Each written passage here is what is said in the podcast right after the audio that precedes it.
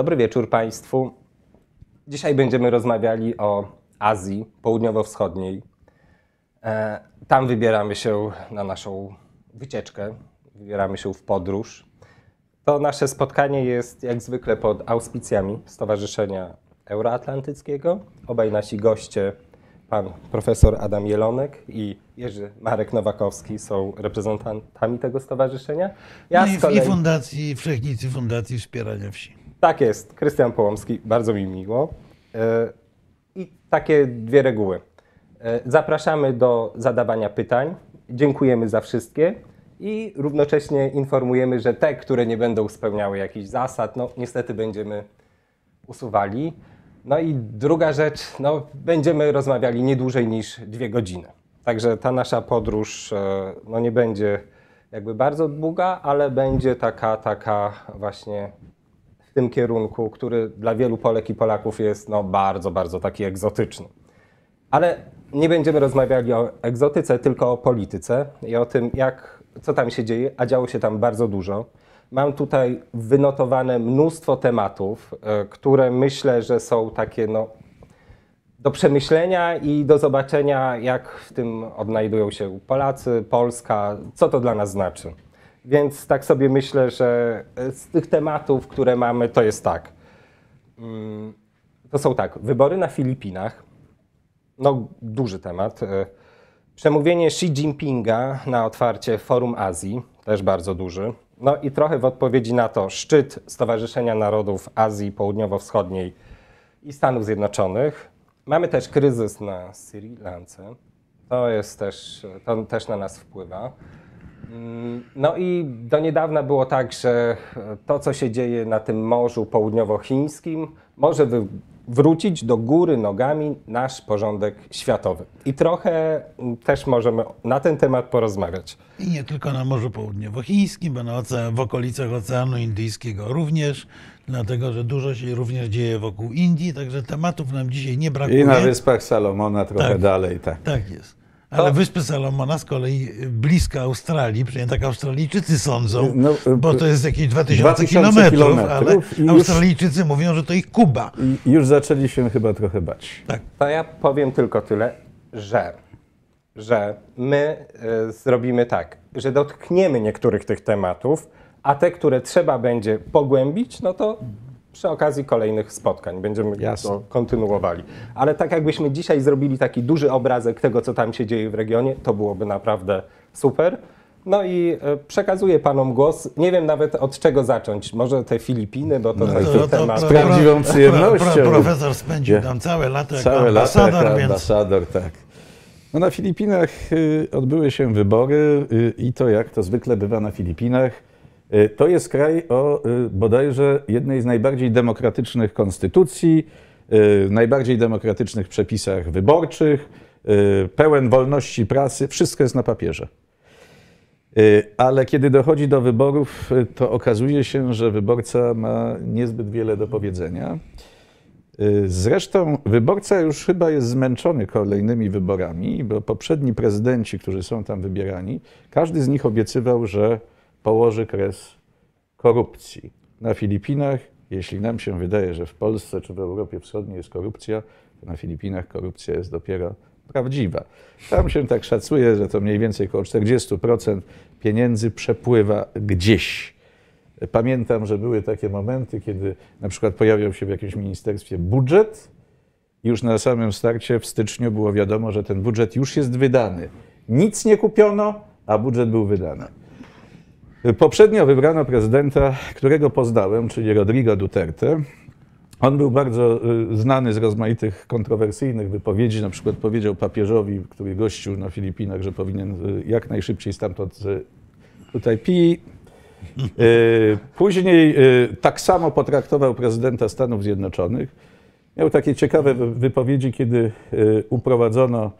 Y, w odróżnieniu od papieża Trump się obraził. Y, Trump się obraził. Natomiast y, on również miał takie wypowiedzi w stylu, kiedy porwano akurat misjonarkę, została ona wielokrotnie tam zgwałcona i zabita, no to prezydent Filipin powiedział, że bardzo jej żałuje, powinien jako prezydent być pierwszy w kolejności. Y, Takiego prezydenta wybrano. On, y, kiedy go odwiedziłem, y, był mm, burmistrzem takiego miasta na południu Davao, który, które słynęło z tego, że jest bezpieczne, całkowicie bezpieczne. Przyjechałem do niego i on mi mówi, ja jest, chciałem być taki dyplomatyczny i elegancki, mówię, słuchaj, jak to zrobiłeś? On odsłonił kaburę pistoletu, mówi, wszystkich ich zabiłem. Żartuję. E, Nie, mówi się, że on. y, y, Czyli on to, się, to, y, polonofil, psy oglądał. tak, tak, tak. On miał taki styl dość, dość specyficzny. Jeszcze rok temu wszyscy się spodziewali, że prezydentem zostanie jego córka. Na Filipinach w ogóle rządzi, i tutaj jest taka spór, czy rządzi 18 albo 40 rodzin. To wyobraźmy sobie, że na Filipinach do tych 40 rodzin należy 72% majątku narodowego. No mój Boże, będziemy mówili o Sri Lance. No dla, tam dla, do rodziny rządzącej należy 70% do jednej. No tak, no to, tam, jest, tam muszą się w jakiś, sposób, w jakiś sposób dogadywać, ale z tego dogadywania y, wychodzi tyle, że zawsze każdy prezydent musi być y, jakby efektem zgody tych rodzin rządzących. No i tym razem y, padło na Marcosa, Ferdynanda Marcosa juniora, znanego y, nam y, z imienia i nazwiska, ale nie z jego imienia i nazwiska, tylko z imie, imienia i Dziadka. nazwiska jego ojca Ojca. ojca. Ojca. To jest e, człowiek, który nam się cały czas wydawało, że Markosowie po tym, jak odeszli, jak zostali właściwie wypędzeni z Filipin w wyniku rewolucji siły ludowej, że Markosowie e, e, na Filipinach są zupełnie niekochani. Opowiadano o tych tysiącach butów Imeldy Marcos. Tak. Natomiast na Filipinach to tak do końca nie było. Po pierwsze, Imelda Marcos cieszyła się dość dużym mirem wśród y, ludności. Ona po tym, jak już wyjechała ze swoim mężem na Hawaje, to rzeczywiście wspierała rozmaite fundacje, y, szpitale, y, żłobki, y, a rodzina Marcosów cały czas rządziła jednym ze stanów. Dlatego, że te 40 albo 18 rodzin, każdy czymś tam rządzi i to są ich wyłączne domeny. W Ilocos del Sur y, oni cieszyli się nieprawdopodobną sympatią, no i y, jakby to powiedzieć, całkiem y, nieźle sobie tam radzili.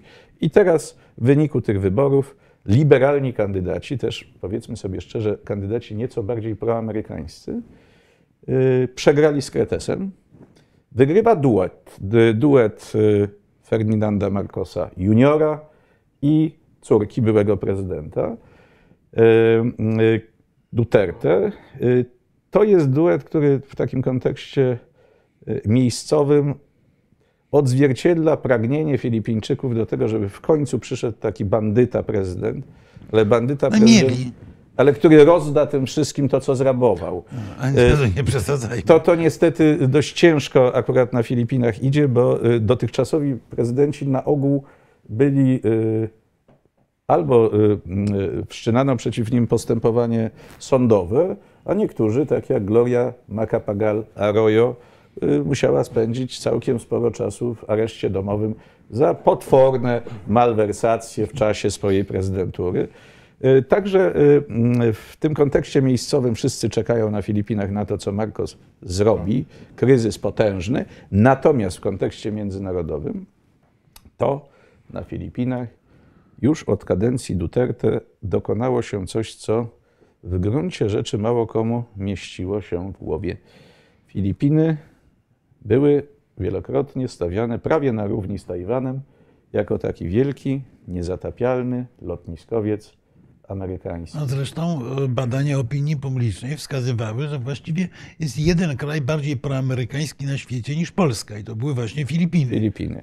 Na Filipinach akurat te, ten stosunek do y, Amerykanów był chwiejny. Zresztą tam stosunek jest chwiejny do wszystkiego. Kampanie są tam przeprowadzane, kampanie wyborcze na platformie, która w tej chwili podobno jest najlepszą platformą do wszelkich promocji. Już Facebook się nie liczy, wszystko było robione na TikToku. W związku z tym możemy sobie wyobrazić, jak dobry był poziom również y, kampanii wyborczej.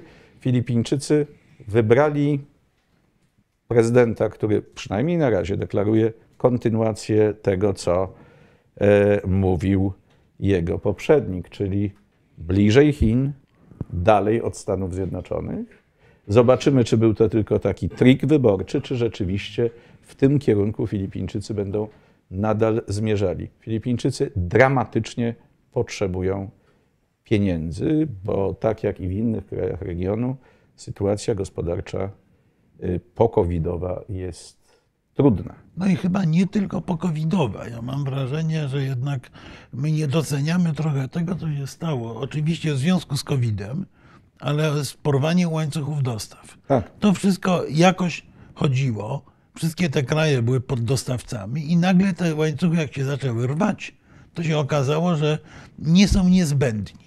Ale swoją drogą, to o czym wspomniałeś, czyli ten e, utrzymanie tego kursu łagodnie prochińskiego, bo to był łagodnie prochiński kurs, e, oczywiście będzie prawdopodobnie mobilizowało Amerykanów do tego, żeby polityka Stanów Zjednoczonych wobec Chin była w regionie bardziej asertywna i żeby, y, i żeby te y, chi- chińskie wpływy blokować. Zwłaszcza, że po pierwsze, mam wrażenie, że mm, po tym wystąpieniu Xi Jinpinga, w którym on na forum azjatyckim na, na wyspie Hainan oznajmił, że Chiny w ogóle chcą budować nowy porządek bez, światowego bezpieczeństwa i że są niesłychanie urażone faktem, że niektóre kraje nakładają na inne kraje sankcje.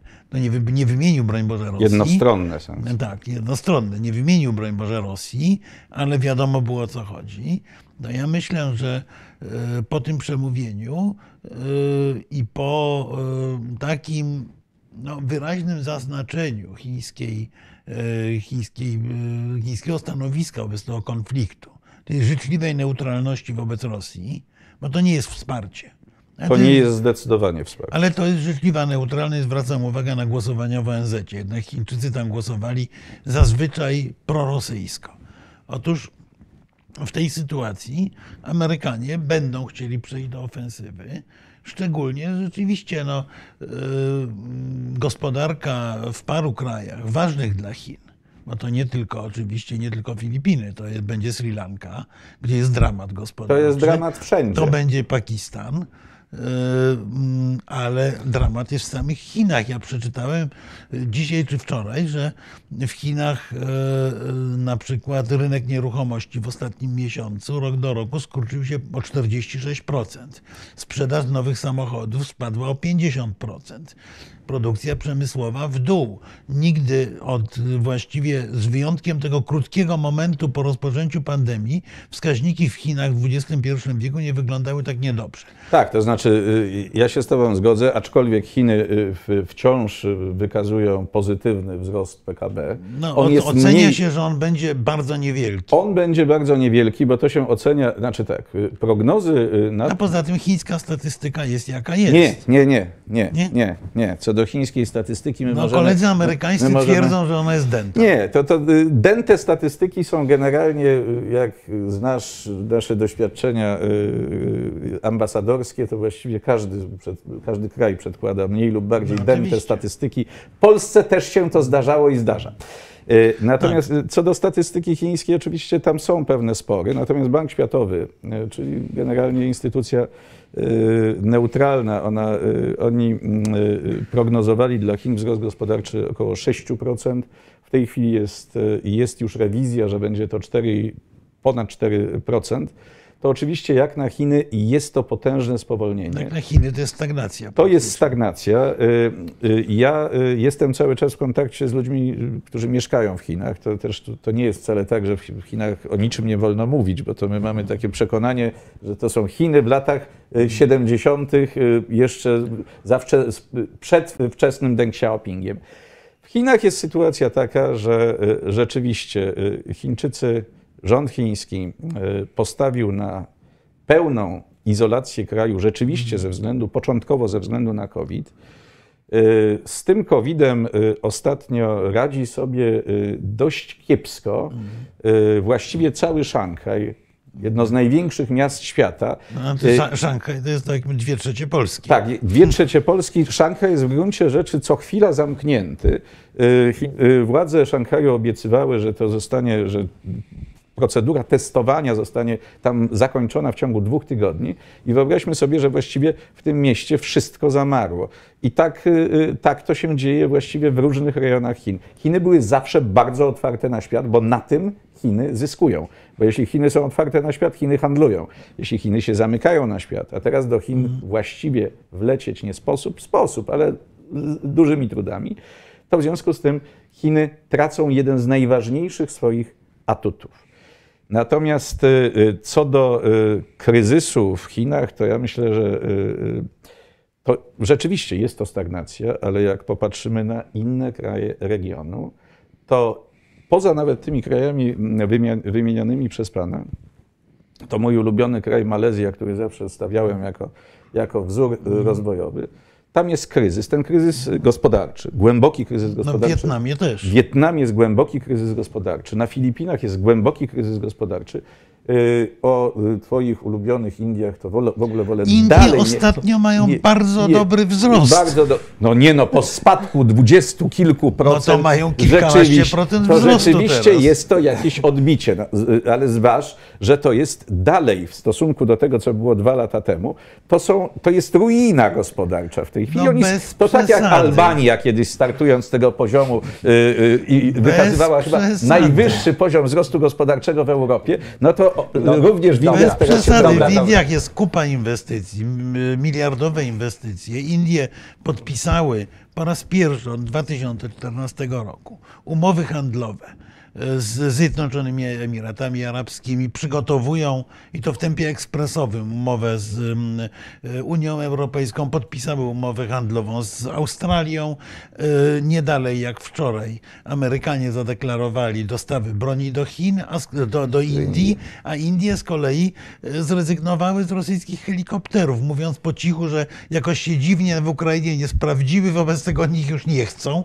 Czyli krótko mówiąc, Hindusi jednak mają po, pewne poczucie siły. To jest mo, e, spadek, nie spadek, ale no to nie jest żadna Albania, tylko to jest najludniejszy kraj świata, gigantyczny Jest rynek. Albania, ale bardzo, na miarę Azji. Nie, gigantyczny Duża rynek Albania. i ogromne, o czym my zapominamy często, zagłębie produkcyjne software'u. To jest, Jest. e, To, to jest niesłychanie, niesłychanie istotny element rozwojowy. E, Indie w tej chwili są jednym z niewielu krajów, które mogą się poszczycić całymi stadami, chyba mm, o trzy czy cztery tylko takie firmy się e, jest mniej, tak zwanych jednorożców, czyli firm e, o wartości powyżej jednego miliarda dolarów. E, mm, Dla porównania Brytyjczycy mają tych jednorożców około 50, zdaje się, czy nawet mniej. Więc nie mówmy, że Indie są w złej sytuacji, bo Indie się odbijają i mam wrażenie, że premier Modi zrozumiał, że jego dotychczasowa polityka może nie jest do końca trafna, bo to była polityka zamykania się i w tej chwili Indie nagle chodzą po światowym rynku i wrzeszczą, że chcą wolnej gospodarki. A dlaczego mówię o tych Indiach? To nie jest tak, że Indie ulubione, nieulubione. Ulubione to one są profesora e, Byrskiego oczywiście. To tutaj profesora nie przebijemy, nie ma co o czym mówić. Natomiast, natomiast Indie są niezbędną dla każdego partnera, niezbędną przeciwwagą dla Chińskiej Republiki Ludowej. Jeżeli ktoś chce kłócić się z Chinami, musi mieć jako minimum życzliwą neutralność Indii wobec swojego kłócenia się z Chinami, albo nawet więcej. I, co do ostatniego zdania się z Tobą w pełni zgadzam. To świetnie. Bo tutaj trudno byłoby się nie zgadzać. To znaczy, rzeczywiście Amerykanie przeżywają w tej chwili przyspieszony okres naprawiania, naprawiania relacji z krajami azjatyckimi. Ja przypominam, że y, administracja y, Obamy, y, właściwie której nadal myślę, że wiele osób nie docenia, to jest administracja, która y, rozpoczęła budowanie pewnych sojuszy w y, Azji Wschodniej, Azji Południowo-Wschodniej. Y, Między innymi sojuszu, który y, był absolutnie kluczowy. absolutnie kluczowy. To był sojusz gospodarczy, ale pamiętajmy, że Amerykanie grają podobną, podobnymi kartami co Chińczycy, czyli przede wszystkim wykorzystując również ten, te, te instrumenty ekonomiczne. I e, mm, tym instrumentem, potężnym instrumentem miał być e, TPP, czyli porozumienie o wolnym handlu transpacyficzne, które No, miało które, łączyć. w sposób skandaliczny spartaczył Donald Trump. Tak, Donald Trump nagle i nieoczekiwanie, kiedy ono już właściwie było na ukończeniu, była kwestia ratyfikacji, Donald Trump nieoczekiwanie oświadczył, że to y, całe porozumienie jest nieważne. No to I też Hindusi teraz fastrygują to, co już dawno było zeszyte. Y, Tak, y, ale pamiętajmy, że wiele krajów azjatyckich, tych, które Amerykanie skusili, skusili wejściem do tego porozumienia, które miało być tak naprawdę, powiedzmy sobie to szczerze, Chińczycy nas nie słuchają, porozumieniem wymierzonym wobec Chin. Tak. Y, Okazało się, że Amerykanie powiedzieli w ciągu jednej nocy, że z tego porozumienia nie będzie nic. I wiele tych państw, państw azjatyckich uznało, że Amerykanie oszukują, po prostu oszukują. No, I zrobili, zorganizowali Chińczykom tak naprawdę zaplecze. Znaczy, przetarli wiele sz- szlaków, które by trwały pewien czas, żeby je przetrzeć. One już były załatwione, wobec tego przełożono wajchy i nagle się okazało, że z Chińczykami się da dogadać w, tak jak z Amerykanami, tylko jakby łatwiej. łatwiej, I to- szybciej i zawarto porozumienie. Ja myślę, że to jest kawałek, wracając do początku naszej rozmowy, ja myślę, że to jest kawałek tej e, e, odpowiedzi na e, ten dziwny pivot, czyli zwrot filipiński. To jest Kawałek, nie kawałek. To jest kawałek, bo ja muszę powiedzieć, ja się spotykam dość często z kolegami z krajów Azji Południowo-Wschodniej i z krajów Azji Wschodniej również. Y, I mm, powiem tak, y, mam dziwne wrażenie, że entuzjazm co do y, sukcesów, przyszłych sukcesów, najbliższej przyszłości sukcesów amerykańskich do zbudowania skutecznego, skutecznej przeciwwagi dla Chin, to ci koledzy akurat nie podzielają tego europejskiego entuzjazmu. Y, Oni mówią y, tak. To jest troszeczkę odwrócenie tej samej sytuacji, którą kiedyś budowali Chińczycy. Chińczycy budowali e, inicjatywę 16 plus 1, inicjatywę Belt and Road, która miała doprowadzić Chiny nie tylko do ekspansji e, gospodarczej, ale też politycznej w Europie Środkowej. No, która miała być takim drobnym klinem wbitym w interesy amerykańskie w Europie Środkowej. Tak, okazało się, że w Europie Środkowej Chińczycy poruszają się troszeczkę jak słoń w składzie porcelany. Nie doceniali tego, że w tej Europie Środkowej co kraj to ciągnie w innym kierunku, co kraj to ma inne preferencje. I okazało się, że Chińczycy tę inicjatywę przegrali. Ale podobna sytuacja y, dokonuje się w tej chwili w Azji. My tą Azję troszeczkę traktujemy i tą całą Azję Południowo-Wschodnią, też ASEAN. Tu wiele głosów takich pada, że ASEAN to jest taka druga Unia Europejska. To jest prawda. Y, ASEAN jest budowany na wzór Unii Europejskiej. Oni się do tego przyznają, są z tego dumni, ale y, ASEAN jest powiedzmy mm, w tej chwili, jeśli chodzi o instytucjonalne rozwiązania, taką y, wspólnotą europejską, wspólnotą węgla i stali. To jeszcze nie jest okres silnej integracji politycznej. Dało to sobie znać chociażby w przypadku konfliktu y, w Ukrainie, gdzie tak naprawdę z krajów ASEANu tylko jeden stanął wyraźnie po stronie y, Europy i, i, i, Stanów Zjednoczonych, czyli Singapur. Y, Część zajęło stanowisko bliżej nieokreślone. Część jest tradycyjnie związane albo z Chinami, albo ze Związkiem Radzieckim, y, a część y, krajów y, kontestuje Stany Zjednoczone z założenia. Filipińczycy na przykład tuż przed wyborami prezydent Duterte powiedział, że żadnego filipińskiego żołnierza na pola Ukrainy nie wyśle. Nikt go o to nie pytał, nikt z nim tego nie konsultował, ale powiedzieć coś musiał. Znaczy, chodzi o to, że tutaj te Filipiny będą łuskane, wyłuskiwane z tego sojuszu z Amerykanami. Teraz taka perspektywa by się tutaj rysowała, że to będzie taka no chodźcie do nas, mamy inne, lepsze, Nie. wspólne interesy.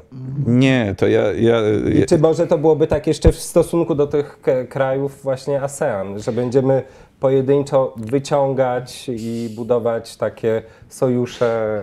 E, Chiny nie sądzę, jeden nie, nie sądzę żeby, żeby wyciągały pojedynczo kraje. Oni wy- wyciągają te kraje właściwie tuzinami, y, tam gdzie mogą.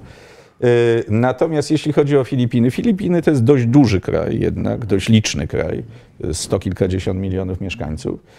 Y, Tam sympatie są... Czyli y, tyle co Rosja. tyle co Rosja. Sympatie są generalnie, sympatie proamerykańskie są dość duże, zwłaszcza w klasie średniej. Klasa średnia, no, trudno sobie to wyobrazić, ale znaczna część przedstawicieli je, jeździ się rozwodzić do Ameryki. jeździ rozwodzić się tak, do Ameryki, dlatego że ma amerykańskie paszporty. Y, To jest jeszcze z czasów, kiedy Amerykanie posiadali jedną z nielicznych zresztą swoich kolonii. tak. Amerykanie się chwalą, nigdy kolonii nie mieliśmy. Mieliśmy.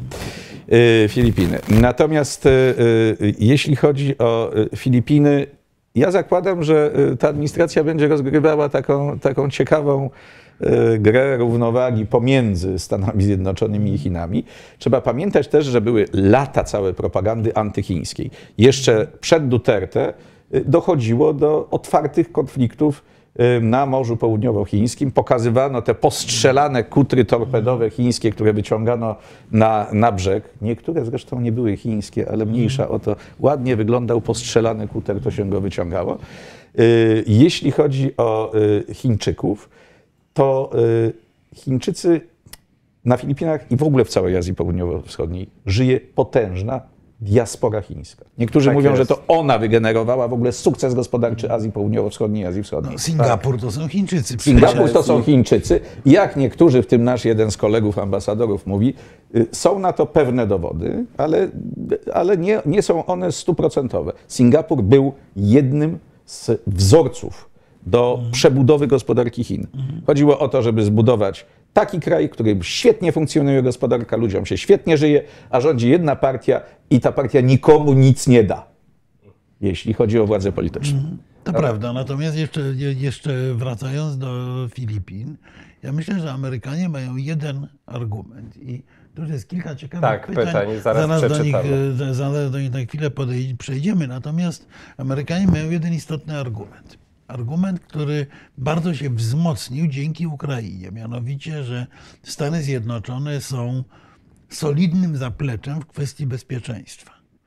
Tu myślę, że o ile y, część tych krajów ASEANu jest łuskana, wyłuskiwana z obszarów wpływów amerykańskich, to bardziej jest wyłuskiwana z obszarów wpływów y, ekonomicznych niż w dziedzinie bezpieczeństwa. Wciąż jeszcze amerykańscy, pamiętajmy, że są głównie wyspiarze, wciąż jednak y, morza są zdominowane tam przez flotę amerykańską. No i Więc y, jakby z punktu widzenia bezpieczeństwa, to y, ja myślę, że mm, co prawda ani jeden żołnierz filipiński nie pojedzie na Ukrainę, ale, ale to, że Stany Zjednoczone dały kilkadziesiąt miliardów dolarów błyskawicznie i sprawnie na dozbrojenie Ukrainy, zostało w całym regionie zauważone. Zostało zauważone głównie na Tajwanie, bo to jest, No, na to Tajwanie jest, to, to jest, to, to jest podstawowy podstawowy, element. tak. Natomiast co do reszty Azji Południowo-Wschodniej, to troszeczkę kontynuując to poruszanie się e, Chin e, jak w składzie porcelany w Europie Wschodniej, e, Stany Zjednoczone poruszają się podobnie tam, bo to nie jest tak. Oczywiście znaczna część państw Azji Wschodniej i Południowo-Wschodniej nie kocha Chin. Nie kocha Chin, dlatego też, że nienawidzi Chińczyków. Znaczy, jeżeli można się wtrącić, ja to obserwowałem e, w kraju pod tytułem Kazachstan. Kraju, który ma e, dość szczególne położenie. Jest bardzo duży, ale leży między Chinami a Rosją. Otóż e, Kazachowie z dużym uproszczeniem. Mam wrażenie, że to dotyczy wielu krajów Azji e, Środkowej i Południowej. Kazachowie z, pewnym uproszczeniem em, Rosjan traktowali tak, jak my traktujemy Rosjan, Czyli generalnie nie lubili i, i patrzyli na trochę z góry, a Chińczyków traktowali tak, jak e, w Polsce traktowało się Niemców, czyli że to groźne, bo nam mogą odebrać naszą tożsamość, kulturę, e, czyli krótko mówiąc z pewnym kompleksem niższości. I to dotyczy prawie wszystkich z wyjątkiem Japończyków. Znaczy, to dotyczy Azji Środkowej. Natomiast jeśli chodzi o Azję Wschodnią i Południowo-Wschodnią, to tam sytuacja jest trochę bardziej skomplikowana. Chińczyków się nienawidzi, dlatego że Chińczycy y, mieszkają w tych krajach. I do Chińczyków należy troszeczkę za dużo majątku narodowego. Jeden z władców Tajlandii, to przykro to powiedzieć, napisał kiedyś taką książkę. Żydzi Dalekiego Wschodu. I to była książka nie o Żydach, tylko o Chińczykach. No, oczywiście. I traktująca dokładnie y, tak samo Chińczyków, jak u nas w okresie. Antysemici, tak. Ta, y, wrogi naród, wredny, który kradnie, zabiera nam to, co nasze. I pisał to władca, w którego żyłach płynęło jedna czwarta chińskiej krwi przy okazji. Te, te, jedna czwarta tylko. A ten nowy prezydent Filipin będzie takim prezydentem no, stojącym po prostu pomiędzy, no coś powie dobrego na rzecz Chin, coś dobrego na rzecz Stanów Zjednoczonych, czyli będzie dobrym takim politykiem, który mm, gra kartą e, taka jak mu pasuje w danym momencie. No, Marcos to chyba pochodzi jest... z rodziny o bardzo długiej tradycji politycznej. Tego Tak. nie należy nie doceniać, Tak. bo te dynastie jednak czegoś tych młodych ludzi uczą. On już nie jest młody, ale, ale, ale uczą pewnego, pe- pe- pewnej technologii politycznej. Natomiast ja obawiam się, że rzeczywiście Marcos utrzyma ten kurs, jednocześnie nie mając tego pewnego knajackiego, no powiedzmy sobie szczerze, uroku, który miał jego poprzednik. Y, Tak, tak, tego uroku on nie ma. Natomiast y, co do Marcosa, to ja mam bardziej taką y, obawę, że on będzie kontynuował pewną tradycję. Znaczy, na Filipinach Filipińczycy przede wszystkim potrzebują w tej chwili jakiegoś cudu gospodarczego. Marcos im to obiecał. Marcos powiedział, oczywiście nieprawdę, że za jego ojca to w ogóle Filipiny mlekiem i miodem płynęły, y, co na początku kadencji jego ojca, jeszcze zanim wprowadził stan wyjątkowy, to tak rzeczywiście było. Bo co robił Marcos? No właśnie, i tu jest może nadzieja, że to samo będzie robił syn. Marcos kraj zadłużał i Amerykanie Tak. dostarczali pieniędzy. Później okazało się, że ta bańka pękła. Jak ta bańka pękła, to okazało się, że na Filipinach jest dramat. Yy, Teraz Marcos obiecuje, że będzie budował na Filipinach drugi Singapur. I dodaje, dodaje, że gdyby jego ojciec żył, nie został obalony brutalnie, y, nie został zdradzony przez Amerykanów, bo przecież pamiętajmy, Marcos był amerykańską marionetką. Y, W związku z tym, gdyby nie został, to na Filipinach już byłby drugi Singapur. Ludzie w to wierzą. On jest zakładnikiem polityki wewnętrznej. I on w polityce międzynarodowej zrobi absolutnie wszystko, żeby spodobać się wyborcom. Jeśli Amerykanie dadzą pieniądze, to ja głowę daję, że Marcos będzie najbardziej proamerykańskim prezydentem Filipin. Dobra. No, czyli, e, czyli mamy co- coś takiego, rozumiem, na Filipinach, jak było kiedyś, znaczy w lustrzanym odbiciu, jak było kiedyś w Egipcie za czasów Nasera. Tak, Tak. tak. Kto, kto zapłaci, tego lubimy. Kto zapłaci, tego lubimy. Chińczycy tam, gdzie mogą, też płacą. Niedawno mieliśmy piękną sytuację na Wyspach Salomona, które to Wyspy No to do Salomona... nich dojdziemy pewnie, tak, bo- Są też tego przykłady. Zatrzymajmy się na chwilkę, Tak, bo mamy całe- serię pytań. pytań i musimy też te pytania rozbroić. E, Handel rosyjski przestawia się na chińską stronę. E, Więc ja muszę powiedzieć, że to jest sprawa bardziej skomplikowana. E, W ostatnim numerze Rosji, Rosji w globalnej polityce ukazała się cała seria artykułów o tym generalnie, że no, Fiodor Łukianow, m, Dmytr Trenin pisali, y, czołowe postacie rosyjskiej, m, rosyjskiego zaplecza intelektualnego rządu. E, Otóż oni stwierdzili następujące rzeczy. Po pierwsze, że Federacja Rosyjska e, doszła do takiego punktu, w którym nie ma możliwości odbudowy relacji z Zachodem. Tam jest stwierdzenie wręcz, że jest gorzej niż w czasach komunistycznych. I to punkt bez powrotu został minięty. Szokujące stwierdzenie. E, Rosja powinna, ich zdaniem, a pamiętajmy, że to są politolodzy, którzy by raczej mm, prozachodni. Rosja, ich zdaniem, musi w tej chwili przestawić się na tor azjatycki. Jest odrębną cywilizacją, jak to długo udowadnia Trenin, ale jako odrębna cywilizacja Rosja y, musi współpracować z Azją, przede wszystkim z Chinami. Tylko kłopot ze współpracą z Chinami, kłopoty ze współpracą z Chinami są dwa. Po pierwsze, to, co Chińczyków interesuje, czyli surowce energetyczne, są niedostarczalne, bo nie ma rurociągów, nie ma gazociągów. Tak. Pamiętajmy, że to, że e, pomiędzy China, e, Chiny e, graniczą z tą częścią Rosji, która jest ogarnięta przez wieczną zmarzlinę. Ja już kiedyś chyba mówiłem, że ja miałem okazję oglądać gazociąg idący do Chin z Jakucji. Otóż firma, która była właścicielem tego gazociągu, stwierdziła, że na jego ogrzewanie i utrzymanie idzie ponad połowa gazu wydobywanego na potrzeby tego gazociągu, co oznacza, że gaz powinien być dwa razy większy, droższy, a partnerzy chińscy mają jeszcze jedną zaletę, tą drugą właśnie, że mianowicie nie mają ochoty dużo płacić, płacą, zdając sobie sprawę, że Rosjanie są pod ścianą, starają się płacić jak najmniej. Hindusi za rosyjską ropę wynegocjowali ceny w ogóle y, sprzed kryzysu właściwie, Tak. z 50% w istocie upustem. Więc, y, więc y, dla rosyjskiego eksportu Chiny są nieinteresujące. Oczywiście dla chińskiego eksportu z kolei, czyli dla importu z Chin, ze względu na ogromne braki towarowe, rosyjski import zmniejszył się o 70% po wprowadzeniu sankcji. 70% to jest w ogóle niesamowite, więc Rosja jest zainteresowana, tylko tu mamy kolejny szkopuł. Otóż Chińczycy nie produkują tego, co jest Rosjanom najbardziej potrzebne, bo wbrew temu mitowi, który u nas jest, w Chinach wielu tych najnowszych technologii też nie ma. Też korzystają z chipów i, i technologii czy patentów y, zachodnich.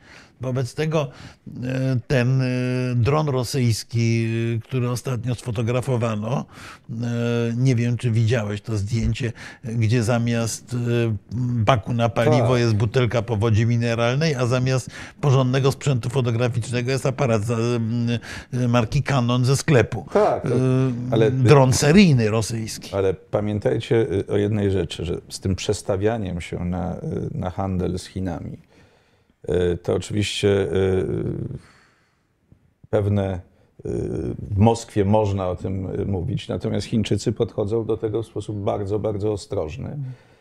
Ja zwracam uwagę, że to wiele chińskich firm zachowało się tak samo jak wiele firm Tak, zachodnich, europejskich, tak. zachodnich, w tym jedna znana firma produkująca telefony komórkowe, nie, nie reklamujemy, która jednak w tej sytuacji y, wyważyła, czy bardziej jest jej y, opłacalne sprzedawać te wyroby na rynku rosyjskim, czy może lepiej jednak stawiać na rynek amerykański czy na rynek europejski.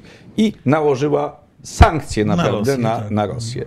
Część chińskich banków przyłączyła się do, do bojkotu. Rosji. Część nie, co oczywiście skutek jest mniej więcej taki sam, przepraszam, że to Tak. powiem, jak z y, nałożeniem sankcji na rosyjskie banki, dlatego że jeśli nie nałoży się na absolutnie wszystkie, to, jest to, No tak, to no. są dziurawe sankcje. Znaczy to ten jeden, To ten jeden zarabia obsługiwał wszystkich. Tak. wszystko i nie ukrywam, że tutaj Chińczycy, nie wiem czy to Europa się uczy od Chińczyków, czy Chińczycy uczą się od- Europy, ale y, skutek Mhm. jest ten sam, że oczywiście przepływ pieniędzy jest dalej, y, dalej zachowany. Chińczycy y, wiedzą, że dla nich podstawą jest handel, a rynki to nie jest rynek rosyjski. Rynek rosyjski jest biedny, rynek rosyjski jest płytki, rynek rosyjski jest kurczący się. Tak. Rosjanie, jeśli y, w ogóle będą czymkolwiek dla gospodarki chińskiej, to mogą być młodszym bratem, czyli wasalem, nie, liczącą się, y, y, nie liczącym się zapleczem surowcowym, jeśli oczywiście w pewnym momencie Chińczycy zdecydują się na to, żeby znowu zbudować te rurociągi, te gazociągi, bo Rosji już w tej chwili prawdopodobnie nie, niebawem nie będzie na to stać. Tak, no poza tym pamiętajmy, że e, tranzyt z Rosji de facto może iść dwoma nitkami linii kolejowej e, i niewiele więcej. y, wobec, y, wobec czego y, albo bardzo długą trasą z Bałtyku y, do, do Chin. Wobec tego y, to podwyższa koszty, a Chińczycy nie widzą powodu, żeby płacić. Z kolei y, Chiny, y, tak jak mówię, obawiają się sprzedawania Rosji broni. Podobno jakąś sprzedają, ale bardzo wątpię, żeby to były bronie mocno zaawansowane, bo to jest Rosji potrzebne.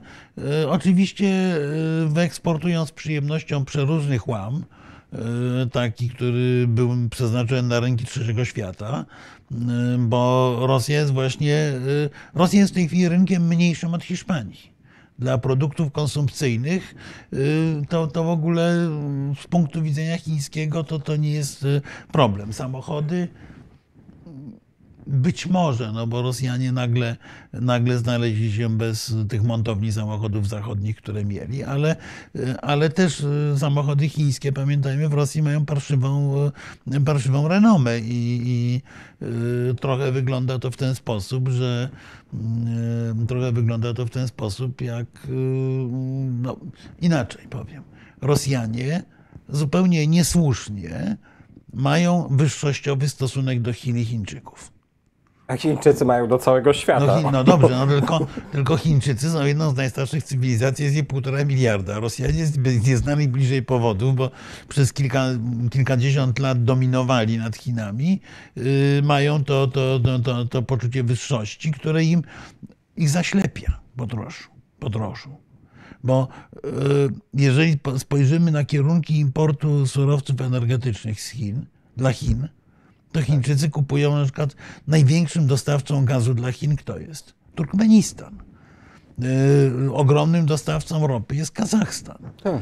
Więc yy, i jeszcze na dodatek to im daje szansę na pewne uzależnienie tych krajów, zachowanie się, już, już kończę, zachowanie się na przykład Kazachstanu było, yy, yy, wynika, wynika między innymi z tego, czy wycofanie wojsk rosyjskich z Kazachstanu również wynika między innymi z tego, że Kazachstan jest właśnie tym krajem obrotowym pomiędzy Rosją a Chinami. Jest wart uwagi chińskiej, bo jakieś malutkie krajiki niekoniecznie są tej uwagi warte. To ja bym Czy taką, Indie mają wynikającą z przeszłości niechęć do anglosasów? To jest tak pytanie do nas do. Rosji. Tak, słuchaj, e, ja uważam, że to i w Indiach, ale nie tylko w Indiach, również na przykład w części Afryki Wschodniej, to jest trochę bardziej skomplikowane.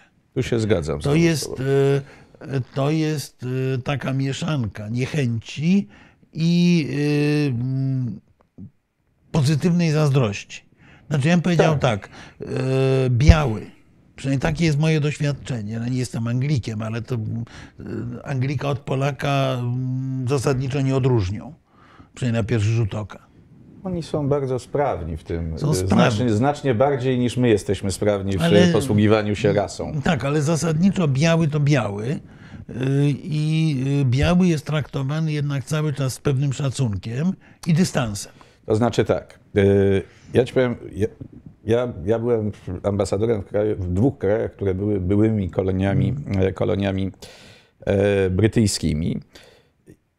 I w tych dwóch krajach akurat y, y, powiem, że większość ludności Malezji i Brunei uznawała, że w ogóle te czasy kolonialne to są najpiękniejsze i najlepsze czasy, jakie w ogóle mogły te kraje spotkać.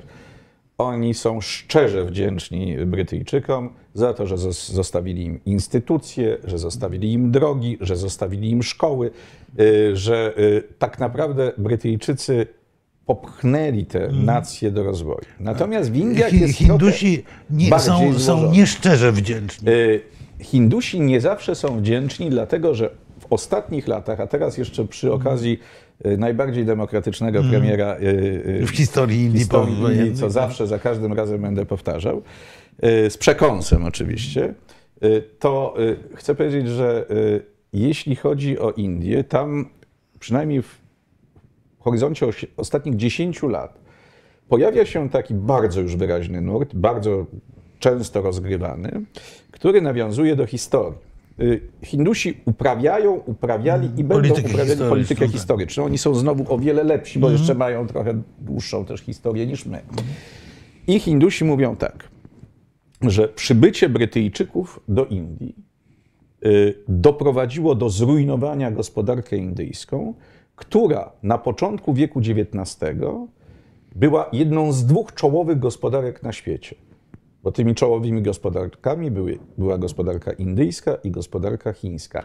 No, I to powiedzmy, że w. XVIII wieku, na początku XIX to już mi się Y, spierał. Nie, to znaczy y, początek XIX wieku to jest taki przełom, y, jeśli chodzi o rujnowanie gospodarki. Czy Hindusi mają rację?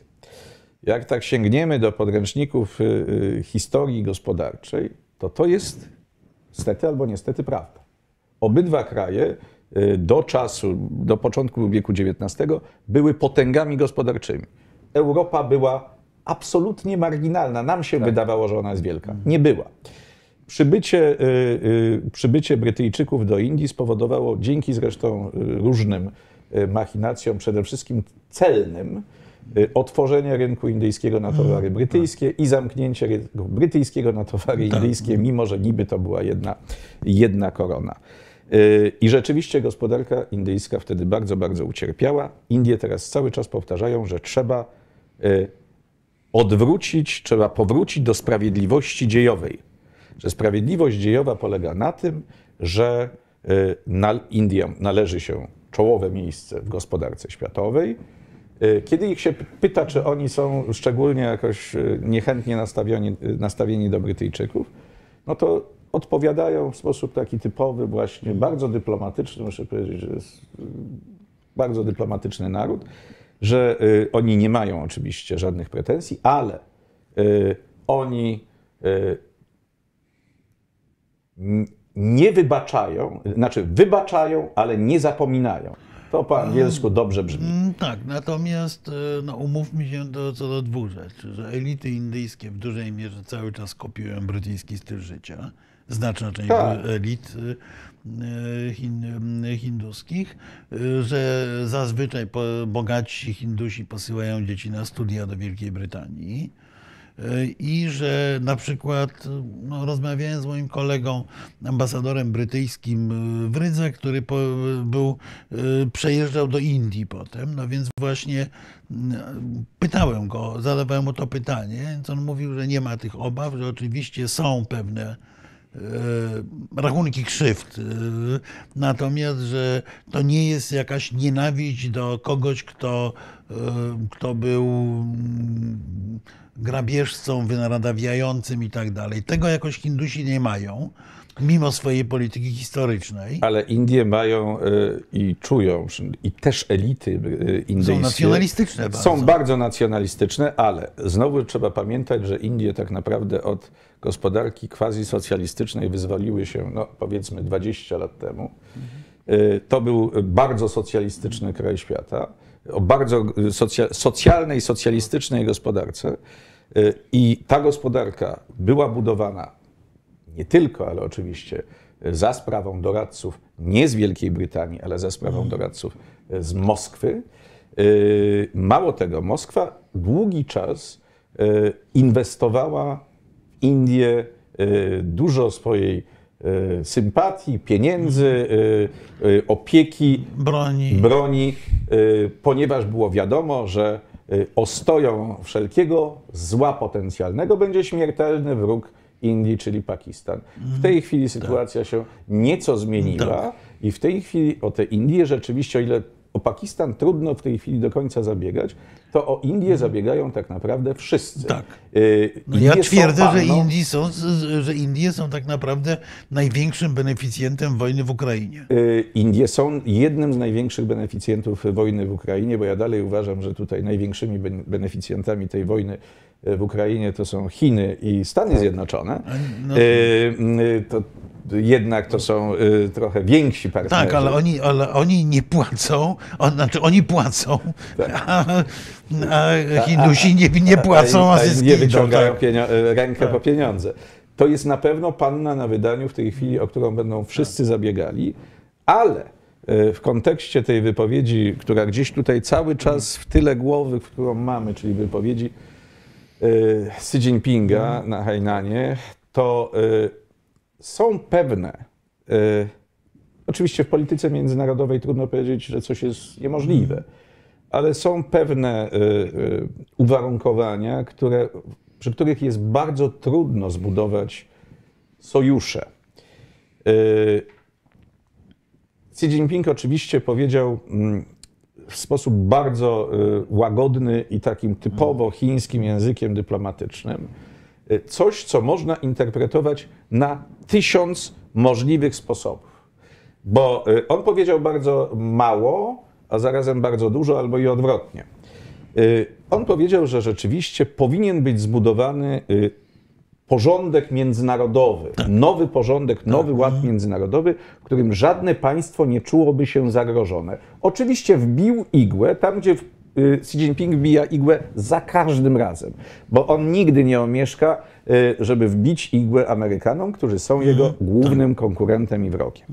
Natomiast y, Xi Jinping w gruncie rzeczy ta wypowiedź w wielu mediach azjatyckich jest bardziej y, odczytywana nie tak, jak zostało to w Polsce odczytane, albo w Europie. Bo w Europie powiedziano, on buduje kontr NATO, będzie budował alternatywne NATO, w tym NATO będą Indie, będą, y, będzie Rosja i oni napadną na tą Europę i na te biedne Stany Zjednoczone.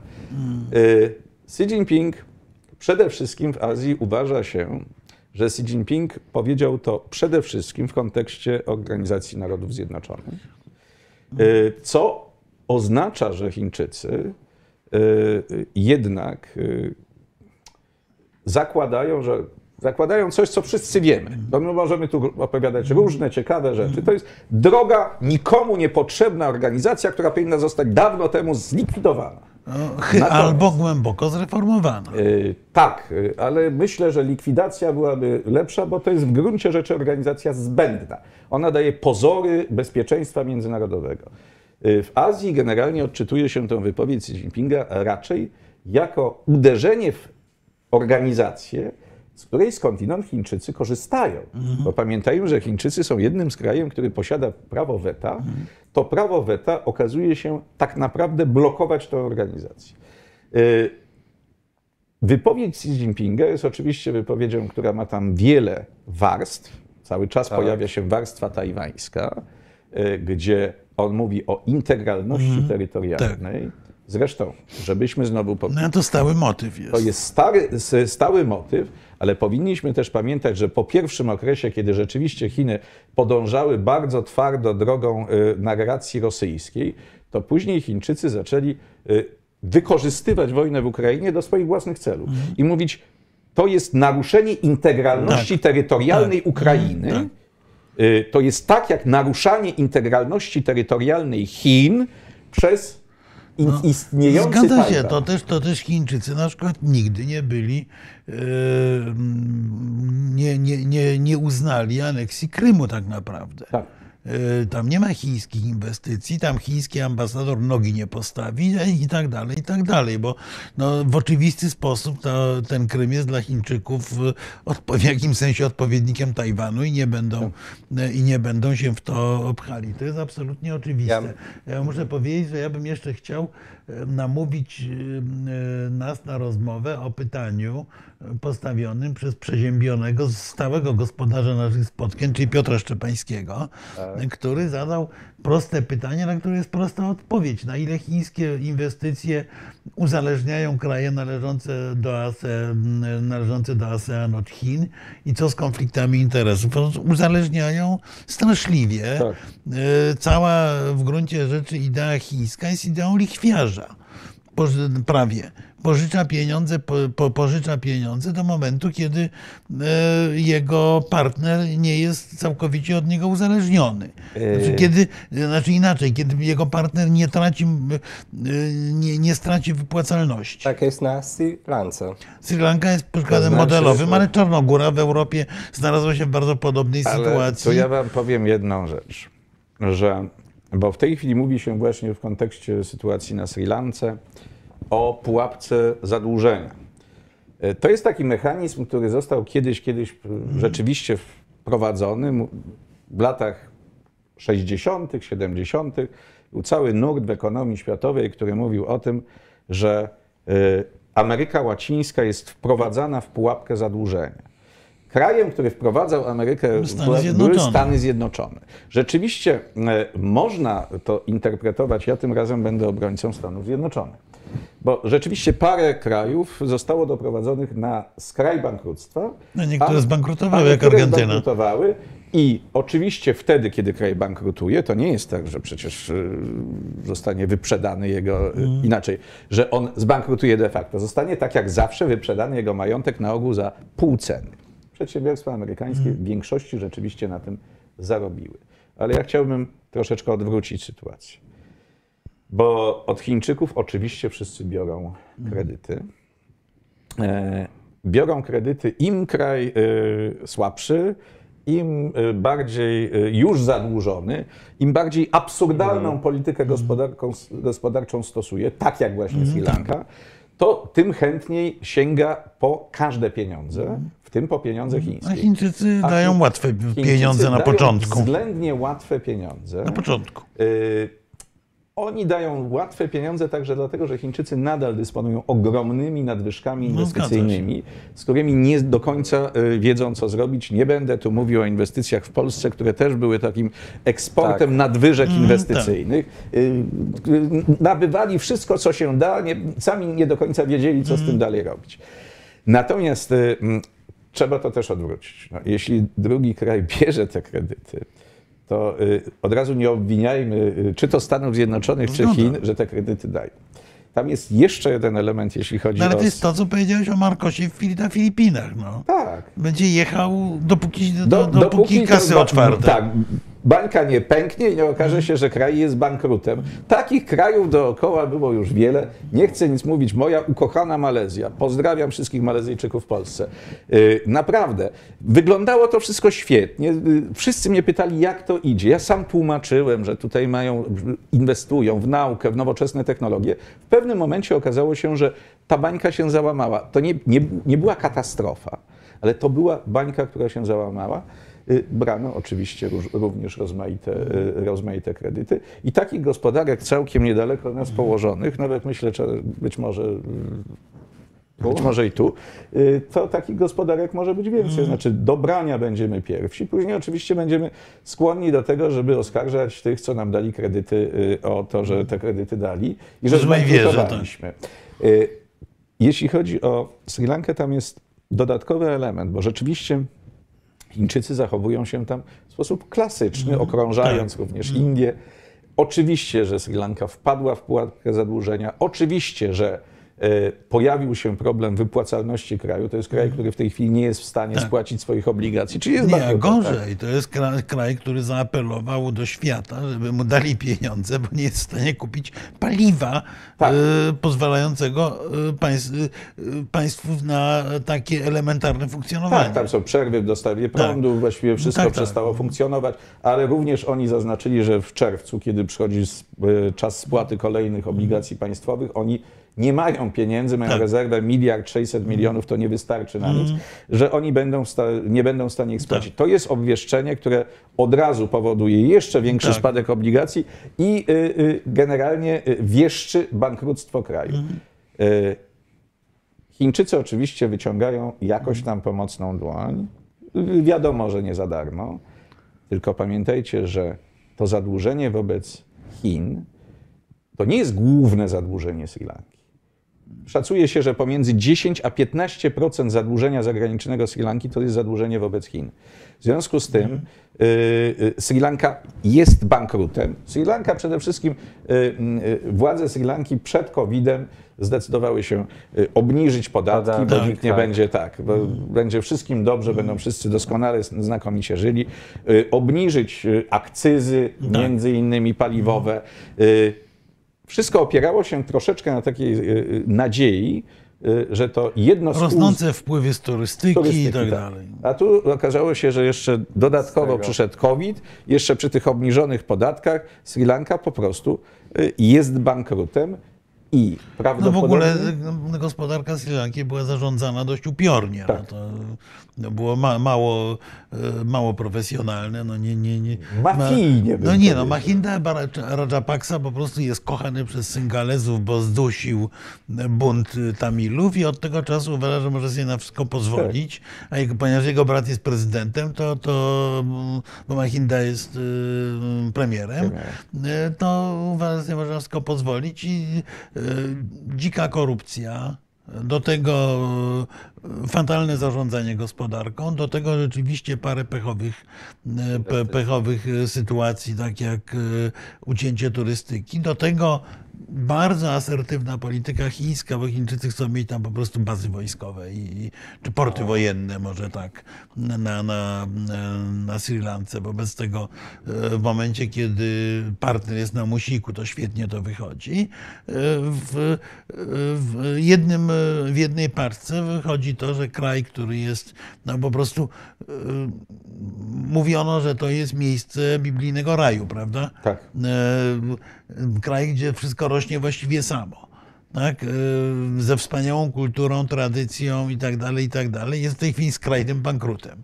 No tu mam taki komentarz. Mieszkańcy Sri Lanki ostatnio urządzili nowe wiosenne święto na wzór topienia marzanny. Utopili rządowe limuzyny. No to bardzo...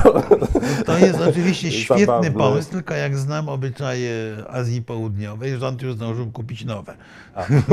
Wobec tego na, na, na, na, to pewnie, na to pewnie im wystarczy. Czyli o tą Sri Lankę też rozgrywa się tutaj taka polityczna trochę walka i ten rachunek w postaci tych baz wojskowych jest dość wysoki, prawda? Znaczy, nigdy do końca nie wiadomo, y, czy to jest y, y, summa summarum kwestia baz wojskowych, dlatego że Chińczycy rozgrywają partię szachów Tak. i oczywiście inny kraj, czyli właśnie, że wracam do tych wysp Salomona. Wszyscy twierdzą, że Chińczycy zamierzają w kraju bardzo blisko położonym rzeczywiście Australii, w kraju, który przypominam jeszcze niedawno był krajem uznawającym Republikę Chińską, Tajwanu. uznającym na Tajwanie. Ja tam y, cały czas przyjaźniłem się w Malezji z ambasadorem Wysp Salomona, który oczywiście y, nigdy nie pojawiał się w towarzystwie ambasadora, y, ambasadora Chin, a zawsze bardzo blisko mm, przedstawiciela, y, przedstawiciela Handlowego, handlowego biura y, w Kuala Lumpur. Natomiast Chińczycy rozgrywają pewną grę też, i to jest nie tyle wojna psychologiczna, ile pewna partia. Y, Jeśli chodzi o poszczególne miejsca, tak Sri Lanka, jak i y, Wyspy Salomona są ważne dla Chin. Nie z punktu widzenia od razu budowania tam baz wojskowych, y, wysyłania nie, jak, okrętów i tak jako m, zaplecze handlowe. Zaplecze tylko, handlowe. Zgoda, tylko Chińczycy, ta głęboka myśl strategiczna chińska, to pewnie do tego dojdziemy, to jest myśl, która wychodzi z jednego założenia, że y, fundamentem potęgi Stanów Zjednoczonych jest w istocie to, że Stany Zjednoczone kontrolują wszystkie morza świata. Bo taka jest Tak. prawda. Tak. E, I e, Chiny, żeby zbudować potęgę państwa środka, muszą zbudować ileś tych punktów. To jest Somalia, to jest Pakistan, to jest, to, to jest właśnie Sri Lanka, e, to są te Wyspy Salomona, tam jeszcze są jakieś przymiarki gdzieś, gdzieś w okolicach, w okolicach Fidżi czy Kiribati do, do, do stworzenia kolejnego, kolejnego portu. I oczywiście, żeby chiński handel mógł kwitnąć, to na zapleczu tego handlu musi być ta siła wojskowa, która go w razie czego ochroni. Stąd ta obawa przed bazą, bo oczywiście punkt wyjścia to nie jest baza wojskowa, tylko to jest faktoria handlowa. Tak, no ale, tak, ale- jak mówiliśmy o Indiach i Brytyjczykach, no to tam się też od faktorii handlowych zaczęło. Y, To prawda, kompania wschodnioindyjska. Y, Natomiast jeśli chodzi o Chińczyków, to oni tak, wysyłają pewien sygnał polityczny, zauważcie to, wysyłają sygnał polityczny. Y, Zachód komentuje od razu, że to na Wyspach Salomona będzie y, wcześniej czy później baza wojskowa. No podobno jest umowa na 75 nie, lat. Nie, umowa nie dotyczy bazy wojskowej. Cała umowa, która została... Znaczy Australijczycy e, alarmują, że jest tajny protokół. No. I, i, tylko, że to już jest gra, o której do końca nie wiemy, bo nie wiemy, czy ten tajny protokół jest. W umowie jest kilka elementów, prócz tam opowieści o tym, że będzie pomoc humanitarna. No, nie czarujmy się, że akurat jeśli chodzi o y, Chiny, y, Chiny działają w taki sposób. Te pozostałe kraje, które uznają jeszcze Tajwan, są kupowane. Oczywiście, Tajwan dawniej postępował dokładnie tak samo. To znaczy, jeśli chciał, żeby ktoś uznawał Tajwan, pompowano tam pieniądze, budowano szkoły, płacono łapówki i kraj uznawał. Ale to było wtedy, kiedy Tajwan był bogaty w miarę, a Chiny były biedne. Chiny są teraz bogate, a Tajwan jest coraz biedniejszy. I Tajwanu nie stać na kupowanie. W związku z tym y, Chińczycy y, kupują. Wyspy Salomona najpierw uznały rząd w Pekinie. W tej chwili już zostaje tylko, zostają tylko cztery kraje, właśnie rzeczone Kiribati, Kiribati y, Tuwalu, Vanuatu i Wyspy Marszala. Cztery kraje. Y, Właściwie myślę, że jakby kogoś spytać, Palau, y, y, które y, Gdzie to gdzie, jest? gdzie to leży, aby nikt do końca nie, nie, nie Znaczy wiedział. nie, bo to można tak y, stukać Tak. długopisem Tak. w Ocean Spokojny i się gdzieś trafi. I y, y, Chińczycy w tym protokole zawarli y, dwa elementy. Znaczy, to jest y, mm, y, jeden z tych elementów jest y, y, konsekwencją rzeczywiście, bo w świecie wszystko jest połączone, również wojny w Ukrainie. Główny szlak, który, na który Chińczycy stawiali, komunikacyjny, to miał być tak zwany nowy jedwabny szlak, czyli lądowa y, nitka idąca też przez Rosję i też przez Ukrainę i też przez Białoruś Tak. i też przez Polskę. Tak. Ona Zresztą Polska była naj, Tak. największym no w tej chwili okazuje się, że ona nie działa, bo Tak. to ona nie działa z obiektywnych przyczyn. W związku z tym e, postawiono na e, morski jedwabny szlak i oczywiście Chińczycy tu bardzo konsekwentnie będą się starali zabezpieczyć przede wszystkim przepustowość tego szlaku. Indie ten sojusz indyjsko-chiński to ja bym w życiu nie uwierzył. indyjsko-chiński, To broń są Boże. jakieś absurdy, Nie, ale też Indie- wysłuchałem takie, Indie i takie Chiny- absurdalne komentarze. Indie i Chiny z definicji są krajami, które będą na kursie kolizyjnym, bo są kolizyjne od tysięcy No lat. nie, no tu usłyszałem y, w Polsce dzisiaj taki komentarz, że to będzie właśnie takie nowe NATO, w którym będą tak. Chiny, Indie Indie i i Rosja. Rosja. Piękny Wow. komentarz, szkoda tylko, że idiotyczny. Y, Natomiast y, jeśli chodzi y, rzeczywiście Sri Lanka jest ważnym punktem, bo trzeba zabezpieczyć południowy. Natomiast y, mm, w przypadku E, W przypadku Wysp Salomona Chińczycy teraz budują nową doktrynę, nową, starą doktrynę, mianowicie budowania tak zwanego powietrznego jedwabnego szlaku. To jest doktryna, która ma łączyć gospodarczo Chiny z krajami przede wszystkim Ameryki Łacińskiej. Tak. Y, Przypominam, że tutaj to jest kolejny, jakby kolejna gra, która się rozgrywa, bo kraje Ameryki Łacińskiej, liczne kraje Ameryki W, w Łacińskiej, odróżnieniu od Filipin są grubo są antyamerykańskie grupy definicji. antyamerykańskie i Chińczycy to widzą i oczywiście liczne państwa na Pacyfiku będą stanowiły pewnie kolejne ofiary.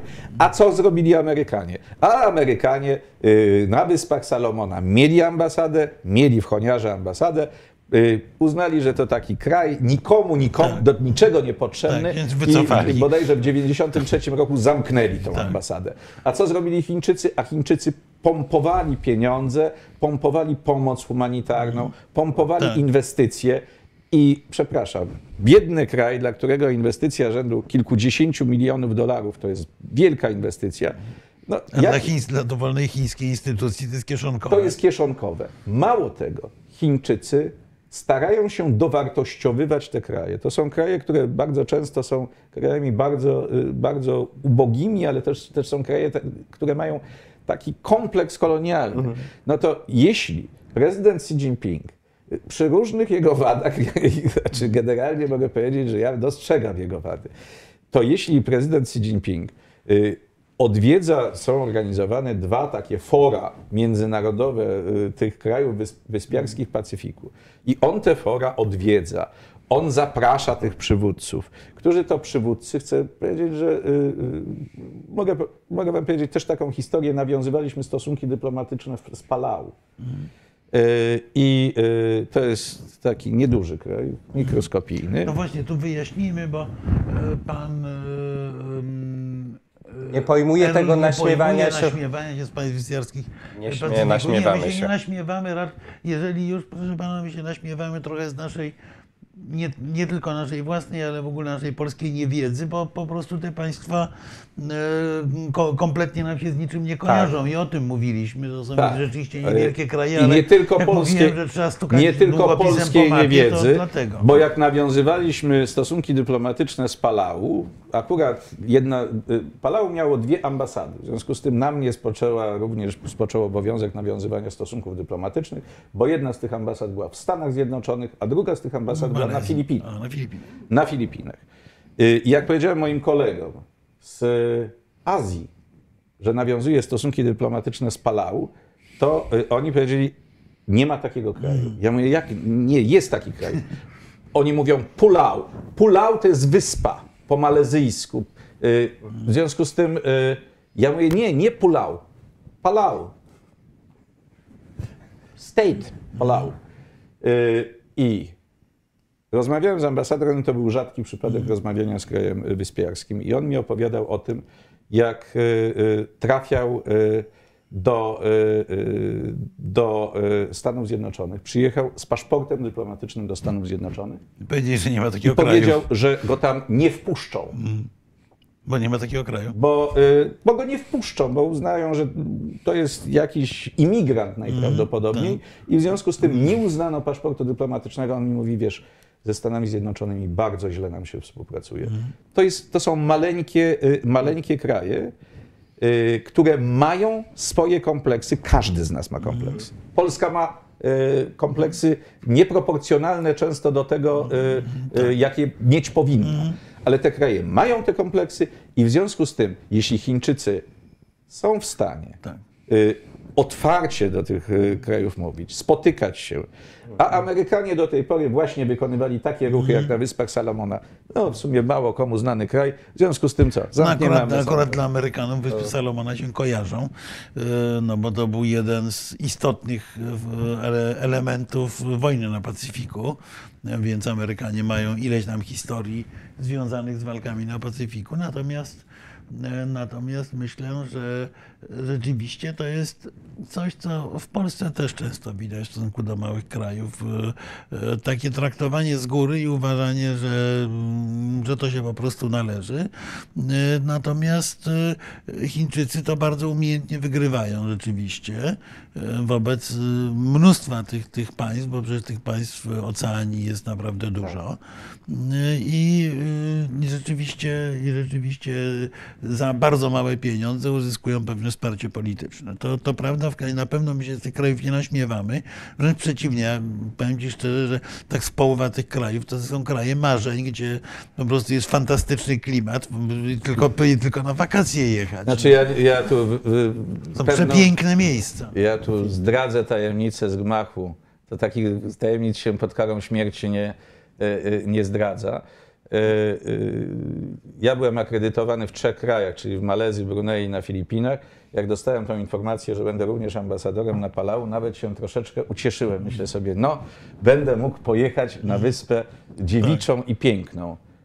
E, okazało się, że niestety e, w tak zwanej jurysdykcji dostała ją y, nasza ambasada w Australii. aha, w Australii. W Australii, tak. Także y, bardzo y, naszemu koledze zazdrościłem tego, tego wydarzenia. Nie, ale, ale rzeczywiście to, to, to, to jest w ogóle niesłychanie ciekawy obszar świata i tak jak wracając już do rozmowy bardziej serio, to e, jednak z jakiegoś powodu te Wyspy Salomona były w okresie II wojny światowej obszarem bardzo poważnych starć amerykańsko-japońskich, bo te Wyspy Salomona istotnie stanowią e, strategicznie pewien klucz do mm, Australii i Nowej Zelandii z jednej strony, a z drugiej strony są, to prawda, głównym takim hubem przesiadkowym w drodze do Ameryki Południowej. A Ameryka Południowa jest chyba równie jak, e, jak Afryka zapomnianym kontynentem przez, e, e, przez Europejczyków, a przez nas w szczególności.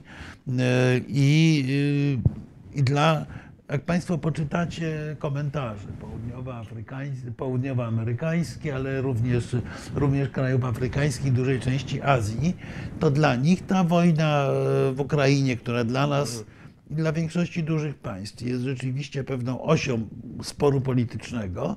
Dla nich jest to jakaś odległa wojenka, tak jak my się przyglądaliśmy, nie wiem, wojnie w y, Rwandzie, czy Kongo, czy czymkolwiek innym, potwornie krwawej, bardziej krwawej niż ta na Ukrainie, Y, ale to gdzieś daleko, no, tam się jacyś biją, to, to tak podchodzą nasi partnerzy z tych kontynentów. Co więcej, rzeczywiście, w, y, jak było pytanie, czy Hindusi traktują Anglików jak my Rosjan, nie. Natomiast bez wątpienia ogromna większość Latynosów traktuje Amerykanów jak my Rosjan. Czyli jak y, y, dufnego, y, niesympatycznego i panoszącego się okupanta przez wiele czasu, którego się nareszcie udało na chwilę pozbyć. Tak. I, dla, i w, w dużej części dotyczy to również nie, kra- krajów, krajów afrykańskich, szczególnie zachodniej Afryki, także, także to jest jakby odrębna. Czyli zupełnie- tu jest takie pytanie, czy Chińczycy będą zainteresowani osłabieniem wpływów rosyjskich w Afryce i wzmocnieniem własnych? Znaczy, tu mamy chyba, e, e, Pani Katarzyno, tu mamy trochę odrębną opinię z profesorem, bo kiedyś o tym rozmawialiśmy. Znaczy, e, mam wrażenie, że Chińczycy, że Chińczykom po prostu w Afryce opadły ręce.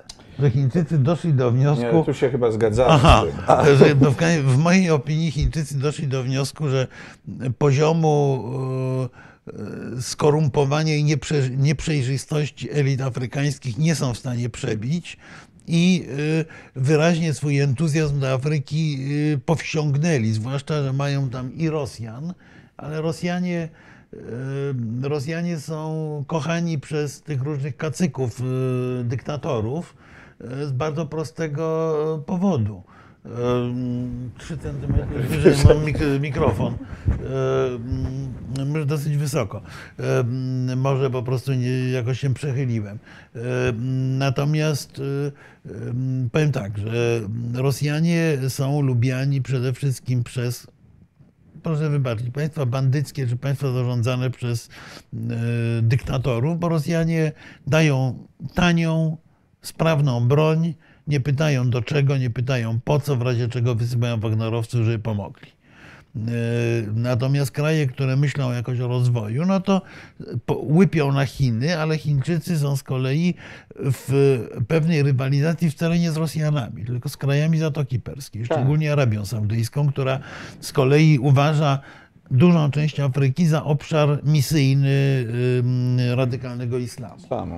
Y, Więc a oni, a Arabowie też mają kupę pieniędzy, wobec tego, y, wobec tego myślenie części elit afrykańskich, przepraszam, znowu ktoś powie, że, że, że mówię, z, że się naśmiewam, ale myślenie części elit afrykańskich jest bardzo proste. Najpierw bierzemy od drugiego, potem przestawiamy wajchę polityczną, bierzemy od pierwszego i odwrotnie. Y, Tak, to znaczy, y, y, ja myślę, że Rosja to już od pewnego czasu nie jest rywalem y, w tej ekspansji, poważnym, liczącym się rywalem w ekspansji w Afryce. To jest, to jest raczej, raczej zjawisko o charakterze historycznym. Znaczy Rosja w tej chwili bardziej z Francją rywalizuje na obszarze subsaharyjskim. subsaharyjskiej. Natomiast jeśli chodzi o Chińczyków, to oczywiście Afryka była przez dobrych kilkanaście lat takim bardzo ważnym punktem ekspansji, ekspansji przede wszystkim surowcowej.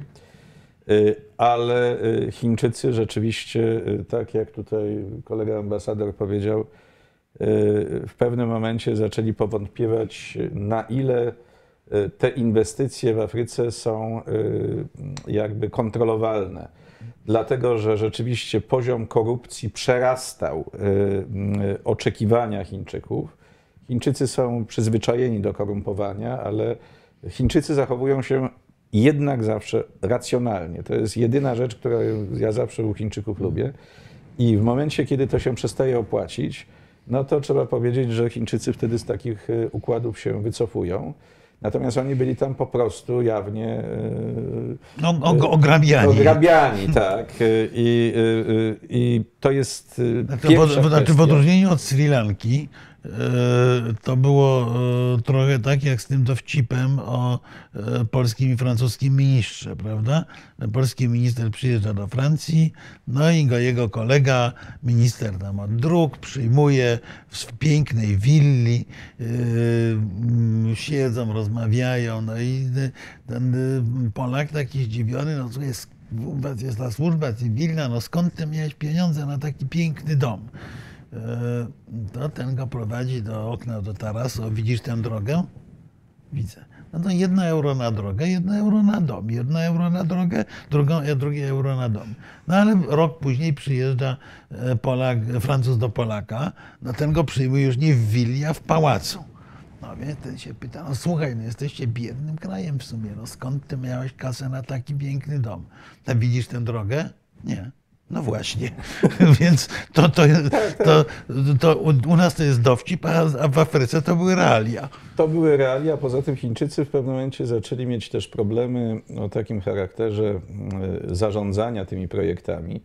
Y, y, okazało się, że po prostu miejscowa kadra nie zawsze się do tego nadaje i ona jest jakby z gruntu powiązana takimi korupcyjnymi sieciami z z miejscową mhm. mafią polityczno, e, polityczno wszelaką. E, Chińczycy starali się swoją kadrą wspierać te przedsiębiorstwa. Nawet mogę powiedzieć, o czym może mało kto wie, ale wielu też Polaków było zatrudnianych tak. przez mhm. Chińczyków w Afryce właśnie po to, żeby obsługiwać mhm. ich inwestycje, ponieważ miejscową kadrą ich Chińczycy bali się obsługiwać. I to jest, jeśli chodzi o Afrykę, to ja myślę, że to y, Chińczycy będą tam obecni, ale w tej chwili bardzo y, umiarkowanie już podchodzą z mniejszym entuzjazmem. Znaczy bardzo konkretne surowce, bardzo konkretne kopalnie, tak. bardzo konkretne miejsca tak. i nic poza tym. Ale wróćmy na chwilę też do tych dwóch, y, do tych dwóch przemówień, do tych dwóch wydarzeń, które ostatnio miały miejsce. Jedno to było to przemówienie już o tym trochę rozmawialiśmy z Xi Jinpinga i on tam mówił. E, I to, to w ogóle jest bardzo ciekawy tekst tak, do, do, do przeczytania, mm. także zachęcam, bo to jest takie o mhm. współpracy, o tym, jak tak. powinniśmy naprawiać mm. świat. No, no, zauważenie, w tej chwili zmiany świata, naszych czasów i historii zachodzą jak nigdy dotąd. No, cudowne. No takie tak. e, musimy razem pracować, aby bronić życia i zdrowia ludzi. No, mm, ważne jest nie ingerować w sprawy wewnętrzne i szanować niezależne wybory ścieżek rozwoju i systemów społecznych dokonywane przez ludzi w różnych no, krajach. Ale on to powtarza. No, to tak. jest retoryka y, Chińczyków właściwie od czasów Deng Xiaopinga. Y, brak ingerencji wewnętrznej, czyli możliwość zachowania przez mm, Chiny tak. własnej drogi rozwojowej, boją się ingerencji rzeczywiście. Mm. To jest y, propagowanie pokoju i y, jeśli chodzi o propagowanie pokoju, Chińczycy, i tu Marku pewnie się ze mną zgodzi, oni pokój w sensie militarnym propagują szczerze. Dlatego, tak. że pokój w sensie. Bo nie mają interesów w wojnie. Ale oczywiście nie mają żadnych interesów w wojnie. Tak samo nie mają interesów w tym, żeby zbrojnie najeżdżać Tajwan, kiedy ten Tajwan, tak jak i pozostałe y, y, republiki y, na y, Morzu Południowochińskim i na Pacyfiku, uzależniają się w tempie albo szybszym, albo wolniejszym od gospodarki chińskiej. W związku z tym to są wypowiedzi w gruncie rzeczy nie tylko szczere, ale nie ma w tym, y, y, w tym wystąpieniu niczego bardzo przełomowego. Xi Jinping wygłaszał bardziej przełomowe, y, przełomowe przemówienia, bo Xi Jinping rzeczywiście e, w ubiegłym roku wygłosił takie przemówienie, które było zupełnie nieutrzymane w retoryce chińskiej. Kiedy on powiedział, że Chiny to jest czas na Chiny, mm, tak. nowa era, mm. bo to on posługiwał tak. się tym, mm. tym y, sformułowaniem, nowa era, kiedy to Chiny y, z, y, powinny znaleźć należne miejsce, powinny zbudować wielką armię. Mhm. Oczywiście zostało to znowu przez ekspertów tak przyjęte z dużą rezerwą, bo trzeba o tym pamiętać, że Chiny pod względem gospodarczym są potęgą. Pod względem politycznym to już widzieliśmy wiele razy, że Chińczycy, o ile łatwo im się y, odnosi tak. sukcesy na Sri Lance zadłużonej, mm. czy to nie udało im się y, rzeczywiście ponieśli klęskę w Europie Środkowej. Bo nie wiedzieli, że tu jest taki Pono, bałagan. ponoszą w istocie klęskę w Europie Zachodniej. Zachodniej. Ponieśli klęskę w Afryce. Dyplomatycznie są, niestety muszę to powiedzieć, słabi. No, To, to, to uważają Rosjanie i Rosjanie w tej swojej dysku, w swoim dyskursie o młodszym bracie i e, starszej siostrze e, właśnie e, wprowadzają swoją zdolność, bo już w tej chwili też można mówić o tym w czasie przeszłym, ale swoją zdolność gry dyplomatycznej jako atut wzmacniający ich pozycję wobec Chin. Bo rzeczywiście Chiny yy, no nie, nie potrafią budować yy, yy, sojuszy o charakterze międzynarodowym, nie potrafią, mają albo opcję dyplomacji wilczej, albo opcję dyplomacji milczącej. Nie mają, yy, wciąż jeszcze nie mają w większości krajów, bo nie we wszystkich, yy, nie, nie, nie mają sprawnych narzędzi uprawiania dyplomacji. Być może to jest wynik wychowania jeszcze w czasach maoistowskich niektórych, ale nie mam pojęcia. Y, Tam odpowiadając na ten komentarz, że to są wypowiedzi, które nie, nos, nie, nie niosą treści, y, jak dużo mówić i nic nie powiedzieć. To jest prawda, tylko że większość wypowiedzi chińskich oficjeli i dyplomatów to są dokładnie takie wypowiedzi. Y, To znaczy, y, o ile w ogóle dyplomaci niechętnie mówią prawdę, wszyscy dyplomaci, bo to taki zawód, to w przypadku dyplomatów y, z Chin, ale także z Azji, ich wstrzemięźliwość w przekazie jest nieprawdopodobna i tu się one, y, one niosą często takie treści, które y, otwierają drogę do dowolnych interpretacji. Tu można powiedzieć, że oni chcą zbudować sojusz, zaatakować Stany Zjednoczone, jak również y, nieść gałązkę oliwną. Y, Natomiast y, y, Natomiast jednak w tym tekście Xi jest bardzo wyraźny motyw przewodni.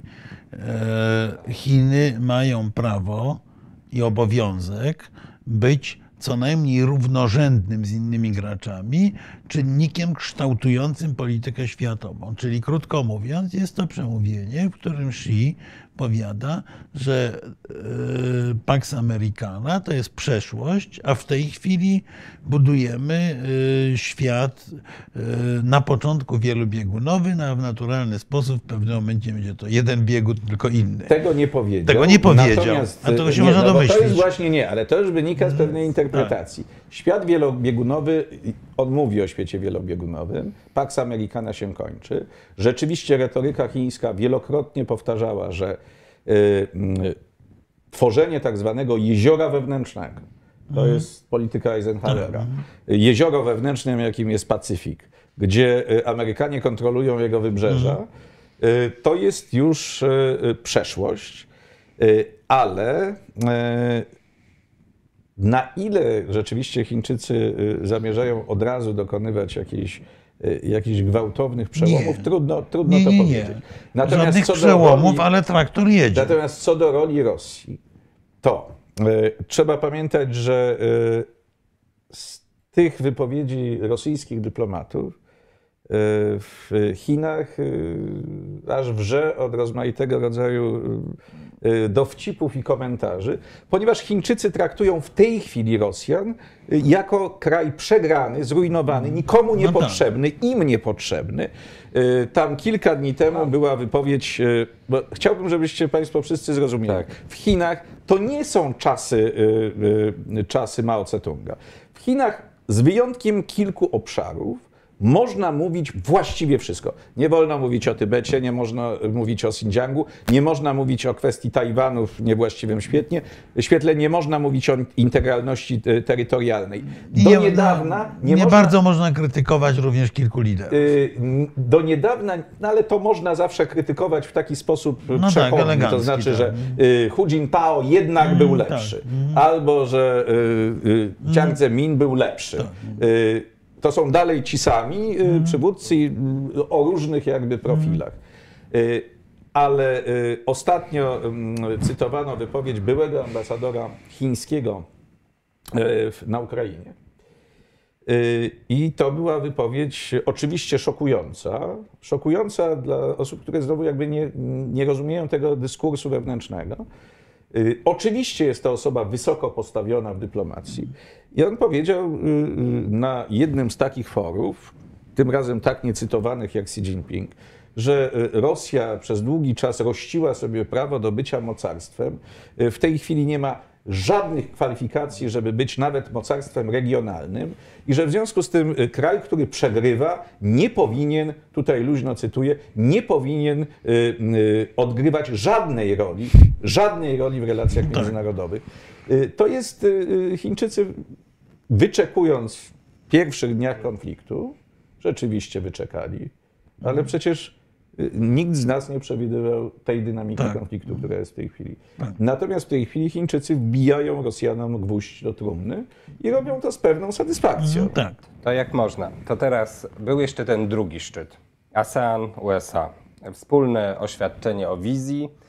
No i co, to jest taka, to ma być taka odpowiedź na to, co się dzieje w Chinach, na, na, te, na te wypowiedzi e, tutaj. e, Czy, czy to coś innego? No bo to jakby To w moim- postanawiamy zwiększyć transformację energetyczną i Znaczy odporność moim w sposób odczuciu to jest przede wszystkim trochę sprzątanie po bałaganie stworzonym przez Trumpa.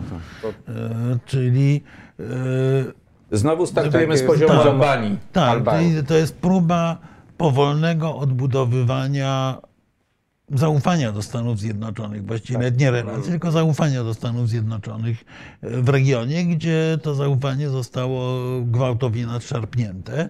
E, I oczywiście e, znowu Amerykanie, pamiętajmy, że Amerykanie przychodzą w glorii tego porządnego sojusznika, który nie zostawia nawet napadniętego przez to wstrętne mocarstwo rosyjskie partnera w potrzebie. I to oczywiście po, powoduje, że mm, kraje, które się czują zagrożone, a w Azji Wschodniej, jak doskonale wiemy, prawie wszyscy są przez kogoś zagrożeni, Tak. y, to y, oczywiście z przyjemnością przyjmują takie deklaracje amerykańskie, tylko z drugiej strony ta przyjemność jest podszyta obawą, że przyjdzie ktoś inny, y, nowy Trump albo stary Trump i powie spadajcie chłopaki, bo my mamy własne sprawy. Ale to jest podszyte Tego- też typu- inną obawą, dlatego że y, y, ja wracam do tej myśli, którą rozpocząłem, ale nie, nie kontynuowałem. W Azji wszyscy boją się Chińczyków, ale w Azji wszyscy boją się też siebie wzajemnie. Y, Kiedy y, budowano partnerstwo, y, kiedy budo- próbuje się, budowano, buduje się, czy próbuje się budować mm, całą inicjatywę tak zwanego Indo-Pacyfiku, której ojcem chrzestnym są Stany Zjednoczone, to pojawiają się, czy pojawiają się liczne pęknięcia. Mm, Dla mnie takim jednym z najbardziej istotnych pęknięć, tu nie będę cytował z czyich ust to padło, rozmawiałem z jednym z ekspertów y, z Korei Południowej. Y, Korea Południowa jest jednym z filarów tego partnerstwa. Y, No i dostałem taką odpowiedź y, zupełnie mało entuzjastyczną. I on mi powiedział, no tak, to jest w sumie inicjatywa amerykańsko-japońska. Inicjatywa amerykańsko-japońska y, i y, y, jakby y, kluczem tej inicjatywy jest odbudowa japońskiego militaryzmu. Dla nas to brzmi egzotycznie, ale my nie doceniamy tych obaw wewnętrznych. Niestety okazuje się, że dla y, Koreańczyków z południa Japonia nadal jest krajem wrogim, a nie przyjaznym. tak. Mamy jednego przyjaciela, wspólnego przyjaciela, ale to jest nadal kraj, kraj wrogi. No, Y, trudno się dziwić po tym, co Japończycy robili tam w czasie Trudno wojny i w ogóle całej historii japońsko-koreańskiej, która jest mocno pokomplikowana. A mogę, a czy ten ASEAN to jest coś takiego wyjątkowego w takim razie? Że tam współpracujemy? Znaczy, Chcemy o tyle, o, w- mojej opinii jest o tyle wyjątkowy, że jest trwały i stary. A, okej. Tak. To jest y, po prostu. Znaczy- nie rozsypała się ta organizacja w żadnym momencie. Ja powiem tak, ja y, z racji tego, że mam szczególny sentyment do krajów Azji Południowo-Wschodniej, powiem, tam y, pewien y, poziom integracji postępuje cały czas. y, ale to jest poziom integracji, który na pewno nie osiągnie jeszcze przez pewien, przez długi czas poziomu integracji Unii Europejskiej. Oni, przede wszystkim to jest organizacja znacznie bardziej zróżnicowana od Unii Europejskiej. My mówimy, że tu są różnice. I tu są przepotężne różnice. Dla mnie, jak czasem patrzę na Unię Europejską, zastanawiam się, dlaczego ona się jeszcze nie rozsypała. Niektórym się wydaje, że ona będzie trwała. Zobaczymy. Y, Natomiast y, ja również mam takie same obawy, jeśli chodzi o, y, o ASEAN, ponieważ ASEAN to są kraje o różnych religiach, różnych kulturach, o nieprawdopodobnej różnicy, nieprawdopodobnej, nieeuropejskiej różnicy poziomie życia, gdzie w Singapurze żyje się tak, ma się opiekę medyczną y, o niebo lepszą od któregokolwiek z krajów europejskich. Y, I wędruje się do takiego kraju właśnie jak, nie wiem, Kambodża No, Laos. czy Laos, gdzie jest pięknie, tylko że niestety jest bardzo, bardzo biednie. Y, Są kraje, y, które mają ustrój bardziej demokratyczny, bo tam co do bardzo demokratycznego Tak, to, bym, to chyba nigdzie bym nie miał ma. pewne wątpliwości. Y, To jest duża, na, na duży wyrost mówienie. Natomiast są kraje, które są krajami ultraautorytarnymi, z reżimami wojskowymi bardziej ujawnionymi, tak jak w tej chwili mówi się, y, tu było jedno z pytań y, o y, Mianmę, czyli o dawną Tak. Birmę. No rzeczywiście, kraj, w którym okazało się, że procesy demokratyczne nie były gwarantem ochrony mniejszości etnicznych. To jest kraj wieloetniczny. Tutaj było pytanie o Rohinie. Czy na ten temat, czy, czy toczy się debata? Toczy się debata. Ta debata nawet toczy się w ramach samego ASEANu, ale ideą ASEANu jest powtórzenie idei y, chińskiej. To znaczy, że my się integrujemy, ale bez nie, in- nie ingerujemy wzajemnie wewnętrzne sprawy. W związku z tym to, że w, s- w sąsiednim kraju mordują y, plemię, które na przykład, albo całą narodowość, która na przykład jest spokrewniona z narodowością naszą, bo to tak często tam jest. tak. No to co, ma, ma nas to nie obchodzić? To jest nieustanne zarzewie jeszcze wciąż konfliktu. Ci ludzie się boją wzajemnie siebie. Y, W Malezji, w Malezji jest strach przed Chińczykami, ale w Malezji jest strach przed Chińczykami przede wszystkim wcale nie z Chin, tylko z Singapuru. Oni uważają, że Singapur, tam jeśli ktoś trenuje jakieś potencjalne scenariusze konfliktu, tak jak u nas, no to się zastanawiają, kiedy, jak tu generał Skrzypczak się zastanawiał, Tak. kiedy y, dojdą do Warszawy i do granicy zachodniej, to tam generałowie też w tajemnicy oczywiście, o tego się nie mówi publicznie, y, zastanawiają się, kiedy wojska singapurskie dojdą do Kuala Lumpur. Y, I takie podziały, takie strachy wzajemne, roszczenia terytorialne są właściwie na porządku dziennym w całym regionie. No nie, no Unia Europejska udała się w dużej mierze dzięki temu, że mimo wszystko jesteśmy kontynentem względnie homogenicznym cywilizacyjnie. Znaczy kłopoty Unii tak naprawdę zaczęły się w związku z dołączaniem się niektórych państw bardziej południa nawet niż wschodu. Ehm, Wschodu też. Wschodu po, też, ale jakby z innego powodu. No ale powiedzmy, że jesteśmy dość homogeniczni cywilizacyjnie, jesteśmy niewielką przestrzenią. E, Kolejne wojny właściwie spowodowały, że pretensji terytorialnych w Europie jest względnie niewiele. I tak ta e, integracja europejska nieustannie trafia na e, gigantyczne przeszkody. Więc jak to wszystko napompujemy taką pompką powiększającą, jak pan Kleks miał, to, e, to, to osiągniemy e, minimum e, różnic na terenie Azji. Zwłaszcza, że tam mamy wielkie cywilizacje, które są w istocie kompletnie niekompatybilne no, z największymi chińską i indyjską, które od zawsze rywalizowały. Tak. Ale e, tak naprawdę Tajowie czują się odrębną cywilizacją, prawda? E, e,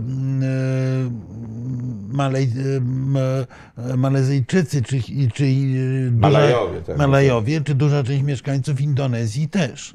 No przecież na tym maleńkim Ceylonie mieliśmy potwornie krwawą wojnę domową pomiędzy dwoma plemionami Tamilów i Singalezów, tak? No, bo różnica religijna, bo trochę inny kolor skóry i tak dalej.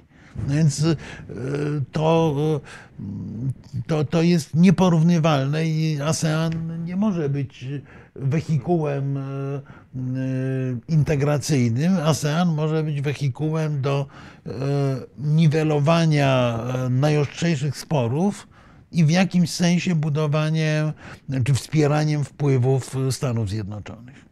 Z tym, że w ASEANie ja mam, ja jestem nadal bardzo wstrzemięźliwy co do tego, czy ASEAN rzeczywiście w tej chwili da się namówić na taką e, bliską współpracę ze Stanami Zjednoczonymi. E, Tam nastawienia wobec Stanów Zjednoczonych są, e, nie chciałbym powiedzieć takie jak w Ameryce Łacińskiej, ale generalnie mm, w ASEANie Stanów Zjednoczonych się nie szanuje. Nie szanuje się z różnych przyczyn. Z przyczyn historycznych.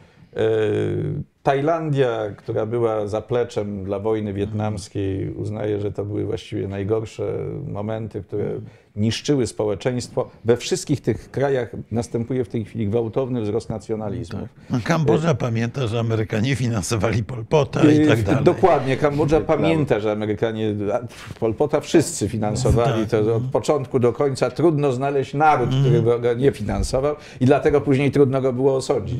Yy, yy, Filipińczycy mają Także klasa średnia ma rozmaite, mm, rozmaite mm, zastrzeżenia, bo trzeba pamiętać, że kiedyś cały sektor prostytucji na y, Filipinach rozwijał się dzięki przede wszystkim y, y, Amerykanom.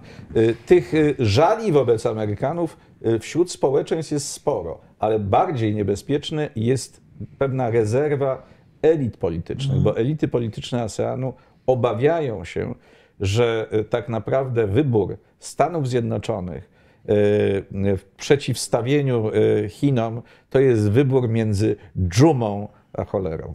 W tym momencie zakończmy, bo tak nas e, zakończmy i obiecajmy sobie, że wrócimy do tych tematów e, w następnych odsłonach, bo mam takie wrażenie, że każdy z tych krajów można byłoby tam z tego regionu tak wyjąć, obejrzeć. No nie, no to jest, to jest to re- jest region wielkie- nieprawdopodobnie ciekawy. Zresztą, e, znaczy, ja powiem tak, e, ja doszedłem do wniosku, że nie ma krajów nieciekawych w czasie, kiedy pełniłem służbę polskiego ambasadora na Łotwie.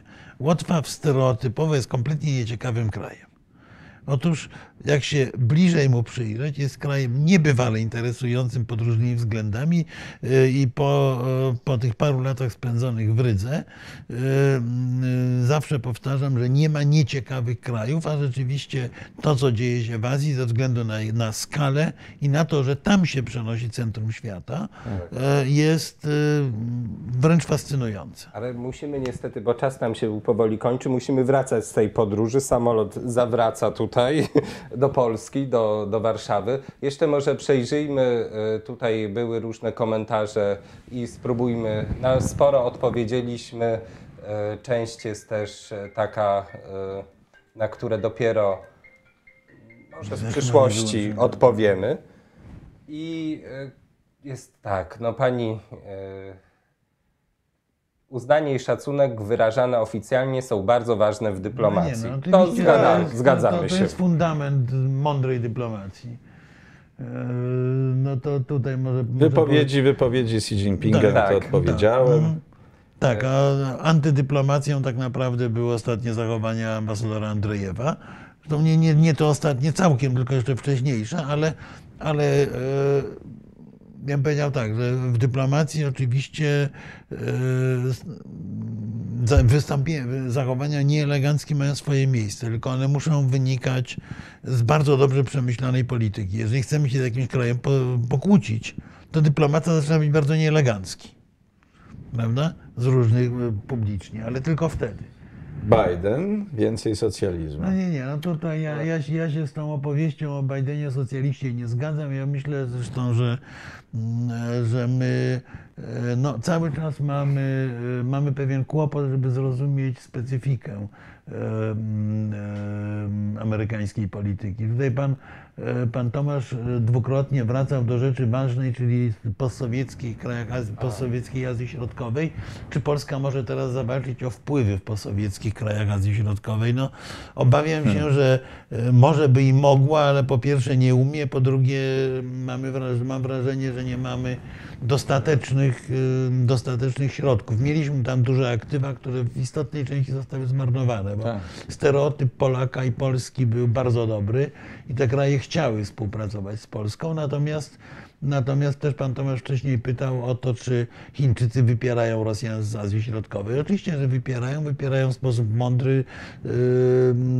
Ten przykład Turkmenistanu o tym świetnie, świetnie świadczy, ale świadczy również przykład chińskiej obecności w Tadżykistanie, gdzie w tej chwili trwają bardzo ciężkie zamieszki zresztą i, i nie wiadomo, jak się dalej potoczy sytuacja. I wreszcie, ym, i wreszcie chińskiej obecności w Kirgistanie, najbiedniejszym kraju, kraju regionu. Tylko tak się składa, że ym, Kirgistan i Tadżykistan są jednocześnie źródłami wody dla całego tego obszaru. Ja mam w ogóle wrażenie, że my trochę my mówimy ciągle o ropie, natomiast Chiny i, na, i w Tybecie, i w Azji Środkowej inwestują bardziej w źródła wody. To jest Tak, chyba polityką wodę, mądrą i, i długofalową. Melanezji był zakochany Bronisław Malinowski. E, znaczy Wiele to, tomów napisał to muszę, na ten muszę temat. powiedzieć, że ja nie jestem pewien, czy Bronisław Malinowski był na pewno zakochany, bo z jego korespondencji ujawnionej wynikło, że, wynikało, że miał taki mocno kolonialny stosunek do e, ludzi, których opisywał w swoich znakomitych książkach. Także y, powoli kończymy, ale jeszcze ostatni punkt. Musimy o tym powiedzieć. Polska w świecie reaktywacja. O tej książce, która się y, niebawem ukaże, już jest Już się wydana. ukazała. Już się ukazała, Jutro e, będziemy ją prezentować. Tak, O, jutro to- będziemy ją prezentować, jutro będzie Poproszę. też transmisja z tej prezentacji. To książka pod redakcją moją i ambasadora Sznepfa, y, ze słowem wstępnym, wstępnym Radosława Sikorskiego, z tekstami wybitnych specjalistów. y, Tak, no i takich moim jak- jednym skromnym jak, y, artykulikiem. y, Marek Nowakowski, która to książka dotyka ważnych problemów współczesnego świata, przede wszystkim problemu, jak Polska i czy Polska sobie radzi. E, To jest takie pytanie retoryczne. Czy Polska sobie radzi tak naprawdę z problemami współczesnego świata? Czy może to świat radzi sobie bardziej z Polską, a to wtedy byłoby niedobrze. Bardzo dziękujemy Dziękuję. i zapraszamy na kolejne odcinki. Tak. Wydaje się, że jeszcze nie wyczerpaliśmy Na tematu, pewno nie czyli wyczerpaliśmy. Dziękujemy. Dziękuję bardzo. bardzo.